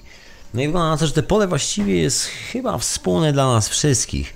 To jest ta jedna wielka intencjonalna historia, że albo chcemy robić deal, albo chcemy rozpuścić to swoje pole i stworzyć sobie normalne warunki. Właściwie nie ma co robić dealu. Deal jest taką informacją, przynajmniej tak mi się wydaje, taką informacją z zewnątrz. To jest takie szaleństwo cywilizacyjne, które powoduje, że czasami nam kompletnie odbija, świrujemy i zaczynamy charge'ować innych na zasadzie biletów, na zasadzie dostępu, sprawdzać ich, próbować motywować się nawzajem, popychać, szkolić, trenować i kopać w tyłek. Absolutnie tego nie toleruję, cokolwiek by nie mówić. Nie podoba mi się to i w ogóle nie uważam to w ogóle za jedno wielkie nieporozumienie, jeżeli chodzi o relacje między nami. Powinniśmy się zdecydowanie wspierać. Nie musimy tego robić za wszelką cenę. Jeżeli czegoś nie lubimy, to zwyczajnie nie wspieramy tej historii. Jeżeli coś lubimy, to wtedy wspieramy. I można robić cokolwiek ze swoim własnym wsparciem. Myślę, że ten normalny świat opiera się właśnie na takim po prostu wyrwanym z serca wsparciu. Takim zwyczajnie ofiarowanym, bez żadnej wielkiej strategii, bez żadnej polityki, żadnych różnych fantasmagorii polegających na tym, że ktoś na górze, ktoś na dole, specjalne loginy, dziwne, tajemnicze, podejrzane historie. Żadnej segregacji finansowej, żadnej segregacji rasowej, żadnej segregacji informacji, że ta jest dostępna dla jednych, ta tylko dla tych lepszych. To taki dziwny świat. Ten naturalny pattern polega na tym, że informacja jest wszędzie. Mrówki nie mają banku, nie płacą kredytu, tak samo wiewiórki, tak samo praktycznie wszystkie zwierzaki, które są dookoła nas. Przede wszystkim wszelkie owady, a tworzą tak niesamowicie zorganizowane struktury i tak niesamowicie wydajne i działające i zapewniające tak dużą indywidualność, że aż szokujące, jeżeli porównamy do swojego własnego życiorysu. Wydaje mi się, to jest taka moja własna koncepcja, którą przykładam do swojego własnego życia, że lepiej brać przykład z przysłowiowego pająka, pszczółek, mrówek, tego typu istot. Są to potężne historie. One się doskonale dopasowują do tego całego pola, a ja tymczasem mam tu telefon i odbieram. Witam serdecznie, panie Konradzie. Halo, halo. Mam cię Tomku. Jak zdrów szanownemu panu? No bardzo dobrze generalnie, że jestem w miarę wypoczęty, także jest okej.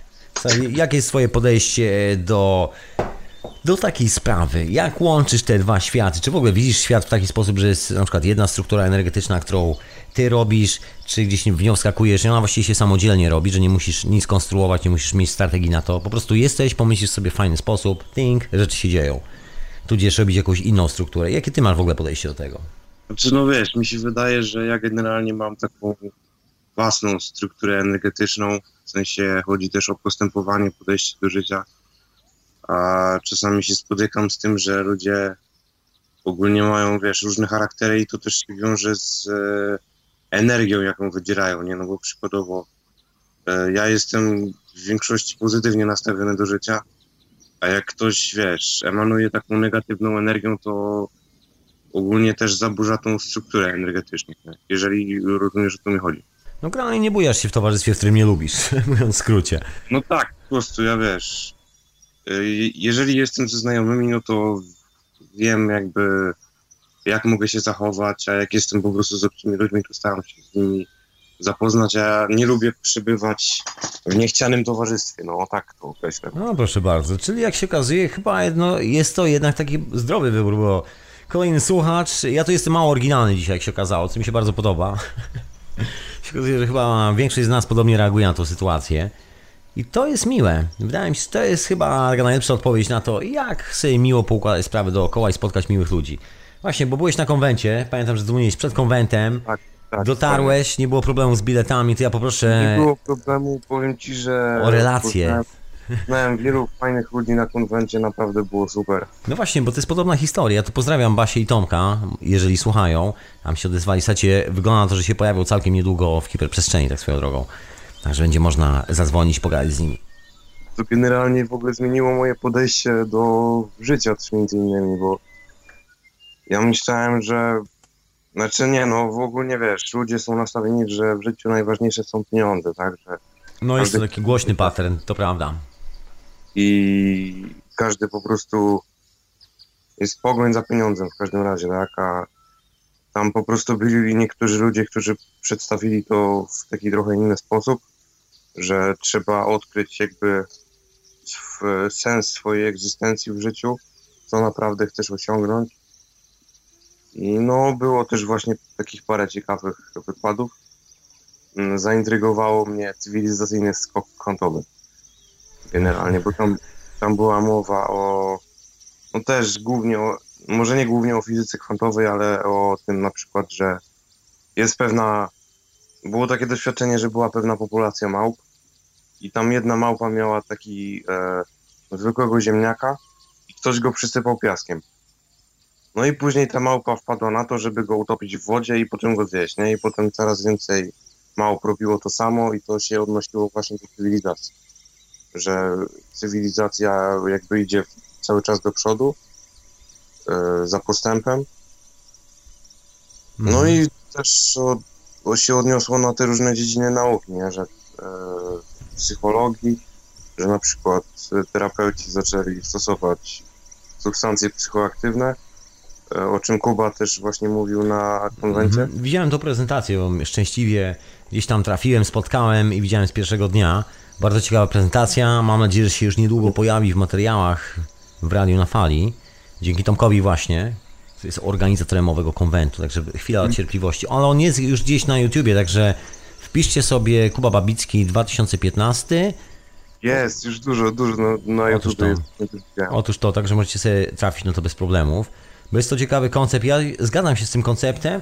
Mój troszeczkę jakby biegnie obok, bo opowiadam to w sposób trochę bardziej w cudzysłowie elektryczny, a niekoniecznie biologiczny i organiczny, ale bardzo ta koncepcja się pokrywa. Nawet ta, o której powiedziałeś, ta związana z cywilizacjami jest, że tak powiem, po drodze, chociaż ja nie jestem miłośnikiem historii kwantowych, o czym tutaj głośno mówię, ale jeżeli chodzi o pojawianie się cywilizacji, o ten eksperyment z małpami, to widać w jaki sposób działa pole, które jest tworzone, kiedy nagle Tak. pojawia się kilka istot, coś się dzieje, jakaś sytuacja i nagle jedna z tych istot, zawsze któraś z tych małp złapie za to, za tego owoca, za tego ziemniaka, za cokolwiek, zawsze któraś z nich to zrobi. To jest taki mechanizm, którego nie można zatrzymać i cywilizacja wygląda jak taki mechanizm, który kom jest kompletnie niekontrolowalny, nie do zatrzymywania, że jest ten moment rozładowania elektrostatycznego, jakkolwiek by to nazwać, moment rozładowania kosmicznej energii, nagle BAM! I wiesz, rodzi się całe pokolenie kolesi z cyklu Nikola Tesla, albo coś w tym stylu. No tak, tak. No sorry, zagadałem cię strasznie. Jak byłeś na konwencie? Jeszcze poproszę taką drobną relację, skoro byłeś na miejscu. No w sumie dużo było takich właśnie psychologicznych e, warsztatów, typu właśnie odkryć swoją misję, że e, na przykład było coś takiego, że siadałeś, znaczy ja ogólnie byłem z taką dziewczyną tam w parze, nie, i po prostu wiesz, usiedliśmy i musieliśmy się patrzeć, e, e, patrzeć sobie w oczy. Cały czas. O, romans. Dobrze żartowałem. Tak, tak. I w, ogólnie chodziło o to, że każdy jak e, patrzył komuś w oczy, to spontanicznie się śmiał po prostu, nie? Bo chodziło o takie jakby rozładowanie napięcia, bardziej się... integracja taka głównie, nie? Czyli No, ale- powrót do korzeni, poczucie wspólnego pola z ludźmi, można tak powiedzieć. Ja tak dzisiaj perswaduję to pole troszeczkę. Przepraszam was wszystkich, tych, którzy nie wierzą w takie historie, że otwieracie lodówkę, a tam pole, idziecie do toalet, tam pole. Sięgacie po szczoteczkę zębów, a tam pole informacyjne. Ehm, Pole jest wszędzie. No dokładnie. I jeszcze mm, mówiono o tym, że człowiek, żeby e, się jakby tak rozładować psychicznie, czy coś w tym stylu, potrzebuje od dwóch do ośmiu przytuleń na dzień. W sensie, żeby po prostu był, był taki Lud- spokojny, szczęśliwy. Ludzki. Tak, dokładnie. Ja polecam jeszcze chodzenie na bosaka po trawie.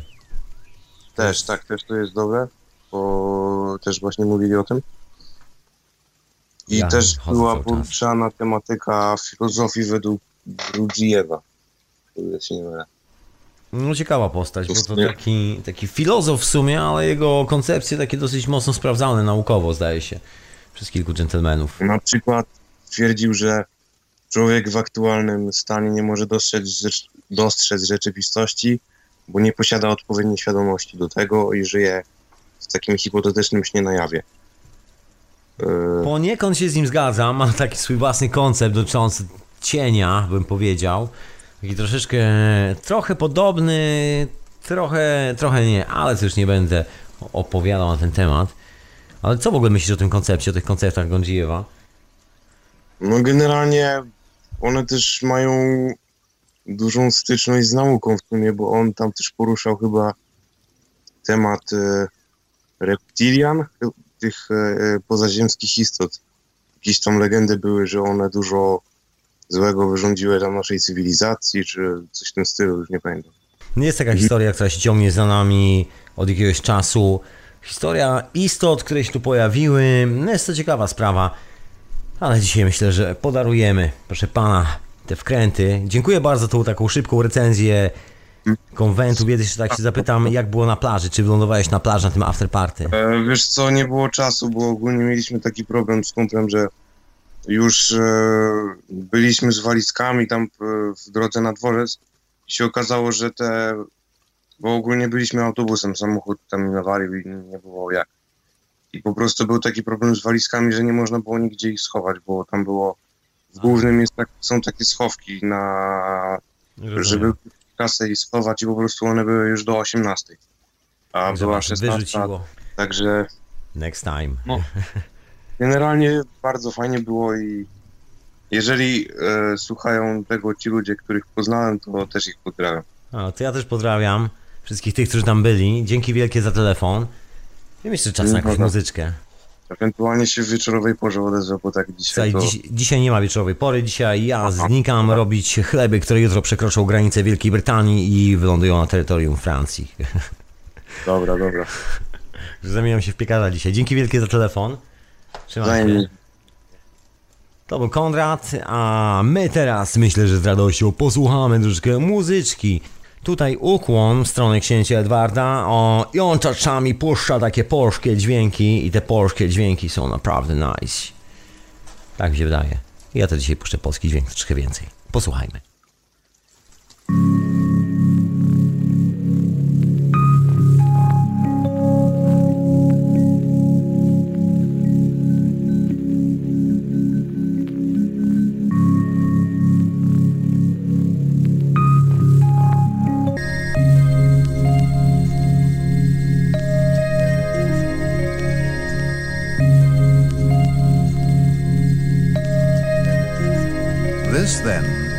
Stereophonic sound. Sound sculpture in space.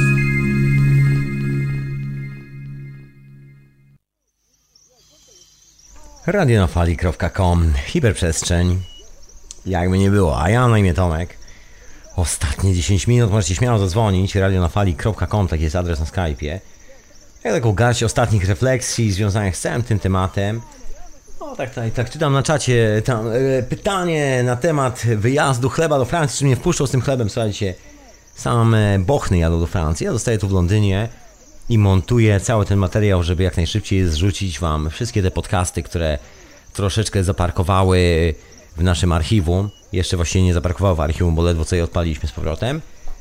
Tutaj pozdrawiam Czeka, który jest e, dziarskim e, managementem tego całego zamieszania z serwerami. Peace and love, peace and love, proszę Pana.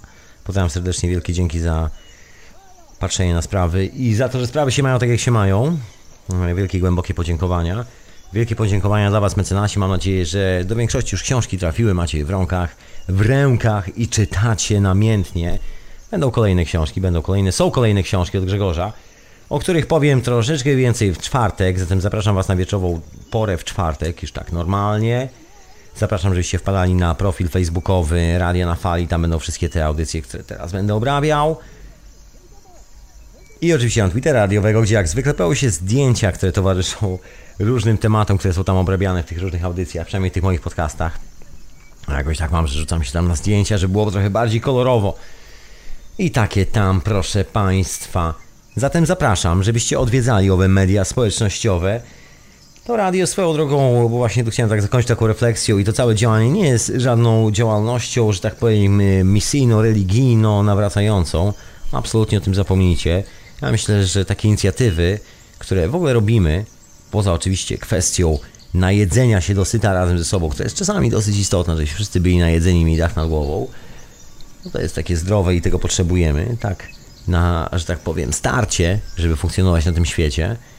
No ale wszystkie pozostałe rzeczy nie są wcale kwestią życia i śmierci, nic od nich w rzeczywistości nie zależy i są poniekąd naszą wariacją, naszym hobby, naszą metaforą na rzeczywistość, na to, jak byśmy chcieli, żeby wyglądała i jak de facto ona zaczyna wyglądać, kiedy zaczynamy to manifestować, robiąc coś z tym naszym pomysłem konkretnego. Ja w tym przypadku sobie piekę chleb, gdzieś tam gadam do mikrofonu, robię jakieś inne szalone projekty i dobrze się z tym czuję i powiem Wam szczerze, że to jest według mnie, oczywiście mogę się absolutnie mylić, tutaj niech każdy z nas sobie myśli za siebie, ale wydaje mi się, że to jest ta właściwa droga, żeby tą intencję trzymać we właściwym punkcie, żeby coś z niej wychodziło, żeby ona się podłączała pod jakieś fajne pole, w którym jest masa fajnych informacji, zamiast jęczenia, jakiegoś komentowania się nawzajem i rozliczania z czegoś i stawiania po kątach, próbowania budowania lepszego świata, za pomocą zmieniania tego samego parszywego systemu na jeszcze bardziej parszywy, moim zdaniem. I myślę, że czasami dobrze jest powiedzieć stanowcze hola hola, dobry człowieku. No właśnie, z takim dociwem mi się kojarzy, ale może go oszczędzę. Także tak czy siak, dobrze jest powiedzieć hola hola, dobrze jest się zatrzymać i narysować bardzo jasno taką granicę na piasku przed sobą, nieprzekraczalną granicę pewnych spraw. Wydaje mi się, to jest ta właśnie moja koncepcja, że za utrzymanie tej granicy tam, gdzie ona jest, wracając do naszej intencji, powoduje, że partycypujemy w tym właściwym rezonansie, naturalnym rezonansie o wiele mocniej, o wiele lepiej, niż kiedy olewamy te wszystkie sytuacje, kiedy jedną nogą ciągle próbujemy gdzieś tam się skleić z tym dziwnym pomysłem na rzeczywistość, który nam zafundowano, który właściwie sami sobie fundujemy, koniec końców, i że to jest taka ciekawa opcja na rzeczywistość. Dlatego bardzo zawsze i serdecznie dziękuję mecenasom Radia na Fali, którzy wspierają ten projekt, bo dzięki właśnie takiemu wsparciu można budować tą strukturę troszeczkę większą. Może nawet nie tyle budować jakąś strukturę, bo właściwie to radio nic nie robi. Poza tym, że można sobie posłuchać i spędzić miło czas. I mam nadzieję, że spędzacie teraz bardzo miło czas. I do tego się to wszystko sprowadza, że mamy taką miłą refleksję w miłym czasie, w miłym towarzystwie i wszystko jest ok, just ok. Doskonała historia. I to jest clue tej całej struktury. Jeżeli tak siądziemy z takim nastawieniem, to taka struktura się manifestuje dookoła nas. Swego czasu wspomniałem, jest odcinek poświęcony na ten temat, nazywa się Akcja Medytacja w archiwum hiperprzestrzeni o tej słynnej grupie 10% ludzi, która medytuje i w ten sposób oddziałuje na całą resztę. Tylko 10% musi mieć pewną koncepcję w głowie, bo to nie chodzi tylko i wyłącznie o medytację, to chodzi o większość rzeczy. Ja mam taką koncepcję, że medytacja właśnie jest tym działaniem, bo trzeba wstać, trzeba spotkać się z innymi ludźmi w grupie, trzeba usiąść dokładnie w tym samym momencie. To jest ta intencja przeniesiona na działanie. No to teraz sobie wyobraźmy, co się dzieje, kiedy ta intencja nie polega tylko i wyłącznie na byciu rezonującą anteną dla pewnego konceptu, który zaczyna się odbijać w głowach innych ludzi i wszyscy łapią troszeczkę większy chill, trochę większy relaks, trochę się luzują mniej przestępczości na ulicach. Są naprawdę świetne badania na ten temat, zrobione w Stanach Zjednoczonych, Anglii, w wielu innych miejscach na świecie, które to potwierdzają. Jeżeli te 10% ludzi czasami coś zrobi, popchnie jakąś ideę w jakikolwiek sposób, tak jak chociażby takie media, jeżeli wrzucicie odrobinę cashu, żeby opłacać lepsze serwery, więcej serwerów, cokolwiek zrobicie, po prostu żeby popchnąć tą ideę dalej, super, na tym to polega. Ta idea już jest, zatem nie trzeba jej robić od nowa, wszystko jest gotowe. I to też jest taki obraz świata, że koniec końców okazuje się, mamy wszystko pod ręką. Mamy wszystko na wyciągnięcie ręki. Wystarczy tylko sięgnąć i włożyć tam odrobinę swojej intencji, odbierając cudzą intencję I nie musimy się chyba specjalnie martwić o konsekwencje tego zjawiska, bo wygląda na to, że to naturalne pole, w którym zaczynamy rezonować, które zaczyna, się manifestować dookoła nas, załatwia masę spraw. Właściwie organizuje nam w taki bardzo miły, sympatyczny i zdrowy sposób całe życie. Myślę, że to ciekawa historia. Tu warto się przyjrzeć na tę historię z Wiktorem e, Grabennikowem i jego urządzenia związane z lewitacją i energią kształtu. To nie tylko są sprawy właśnie dziwnych maszyn, tudzież tajemniczych wynalazków, to są też sprawy związane z tak zwaną złotą geometrią, z tym jak widzimy owoce, kiedy je przekroimy, jak funkcjonuje cały świat dookoła nas. Czasami tak troszkę ignorancko bym powiedział podchodzimy do naszych relacji z kosmosem, do tego, czym jest manifestacja energii w postaci roślin, czym jest manifestacja energii w postaci nas na tej planecie, czym jest manifestacja w ogóle energii na tej planecie. Próbujemy wszystko to skleić z jakąś materią, kosztem każdej żywej istoty, która to istnieje. Wycinamy las, robimy naprawdę jakieś szalone bezeceństwa, chociaż wcale, jak się okazuje, nie musimy. To tylko kwestia pewnego konceptu, konstruktu rzeczywistości, który nosi każdy z nas w sobie samym w naszej głowie, w naszym sercu, w naszym polu. I to jest tylko kwestia, moim zdaniem, tego, co fizycznie zasilamy naszym działaniem, jeżeli będziemy zasilali kiepskie sprawy.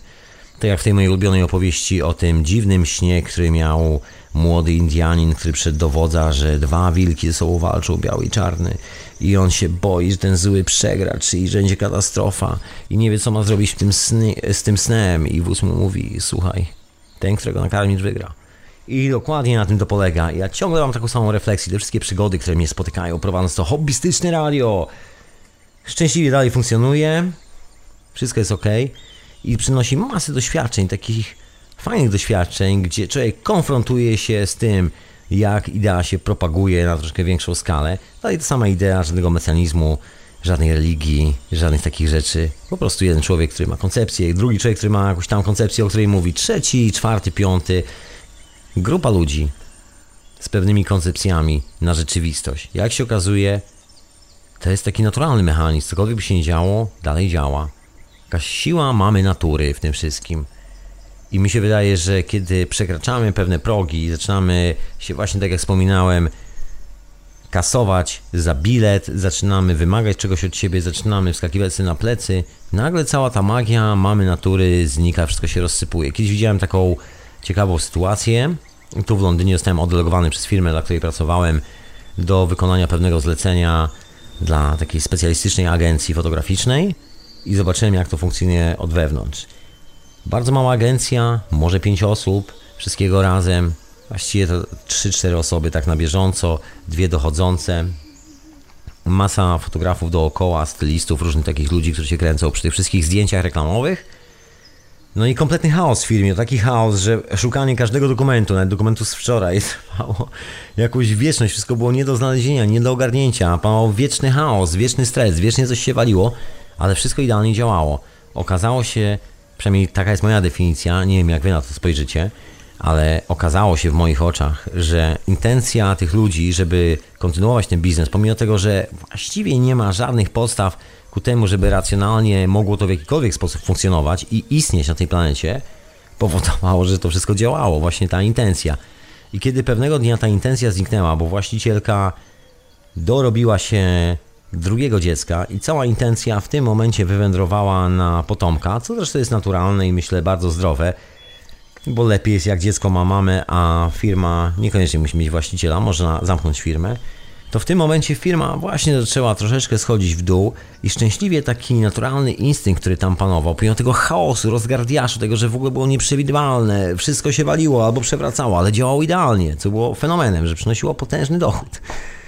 I koniec końców historia zakończyła się tak, że w ostatnim momencie sprzedała takiej potężnej globalnej korporacji, która należy m.in. do Microsoftu, Getty Image zdaje się, tak się to nazywa, całą tą firmę i gdzieś tam zniknęła wychowując swoje dzieci. I taki naturalny pattern energetyczny, nawet przy tych pieniądzach, nawet przy jakichś takich biznesowych sprawach, widać jak to się układa, jak intencja troszkę steruje naszym życiem, że sprawy się składają tak, a nie inaczej.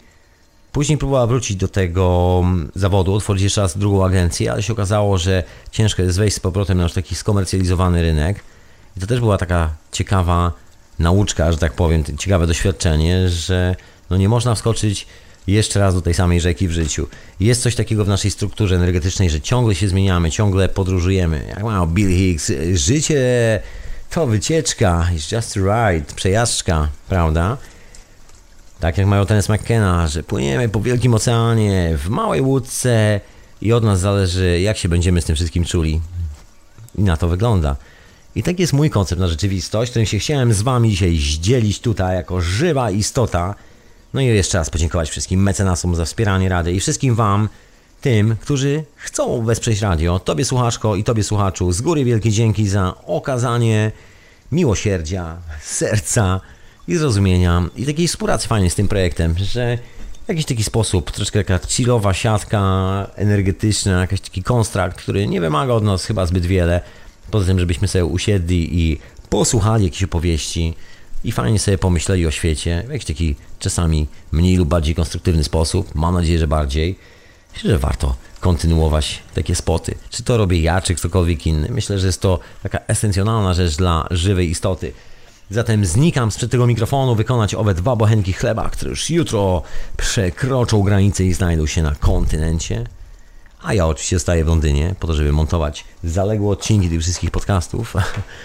I zapraszam Was do swoich kolegów na wieczorową porę do siebie oczywiście, w czwartek. No i oczywiście w środę do księcia Edwarda 23 do etykiety zastępczej, w piątek do Michała, czyli Claude Monet do teorii chaosu, a za tydzień już mam nadzieję tak normalnie, z wieczorową porą, hiperprzestrzeń oczywiście z I Chingiem, ze snami i wszystkimi tymi hecami.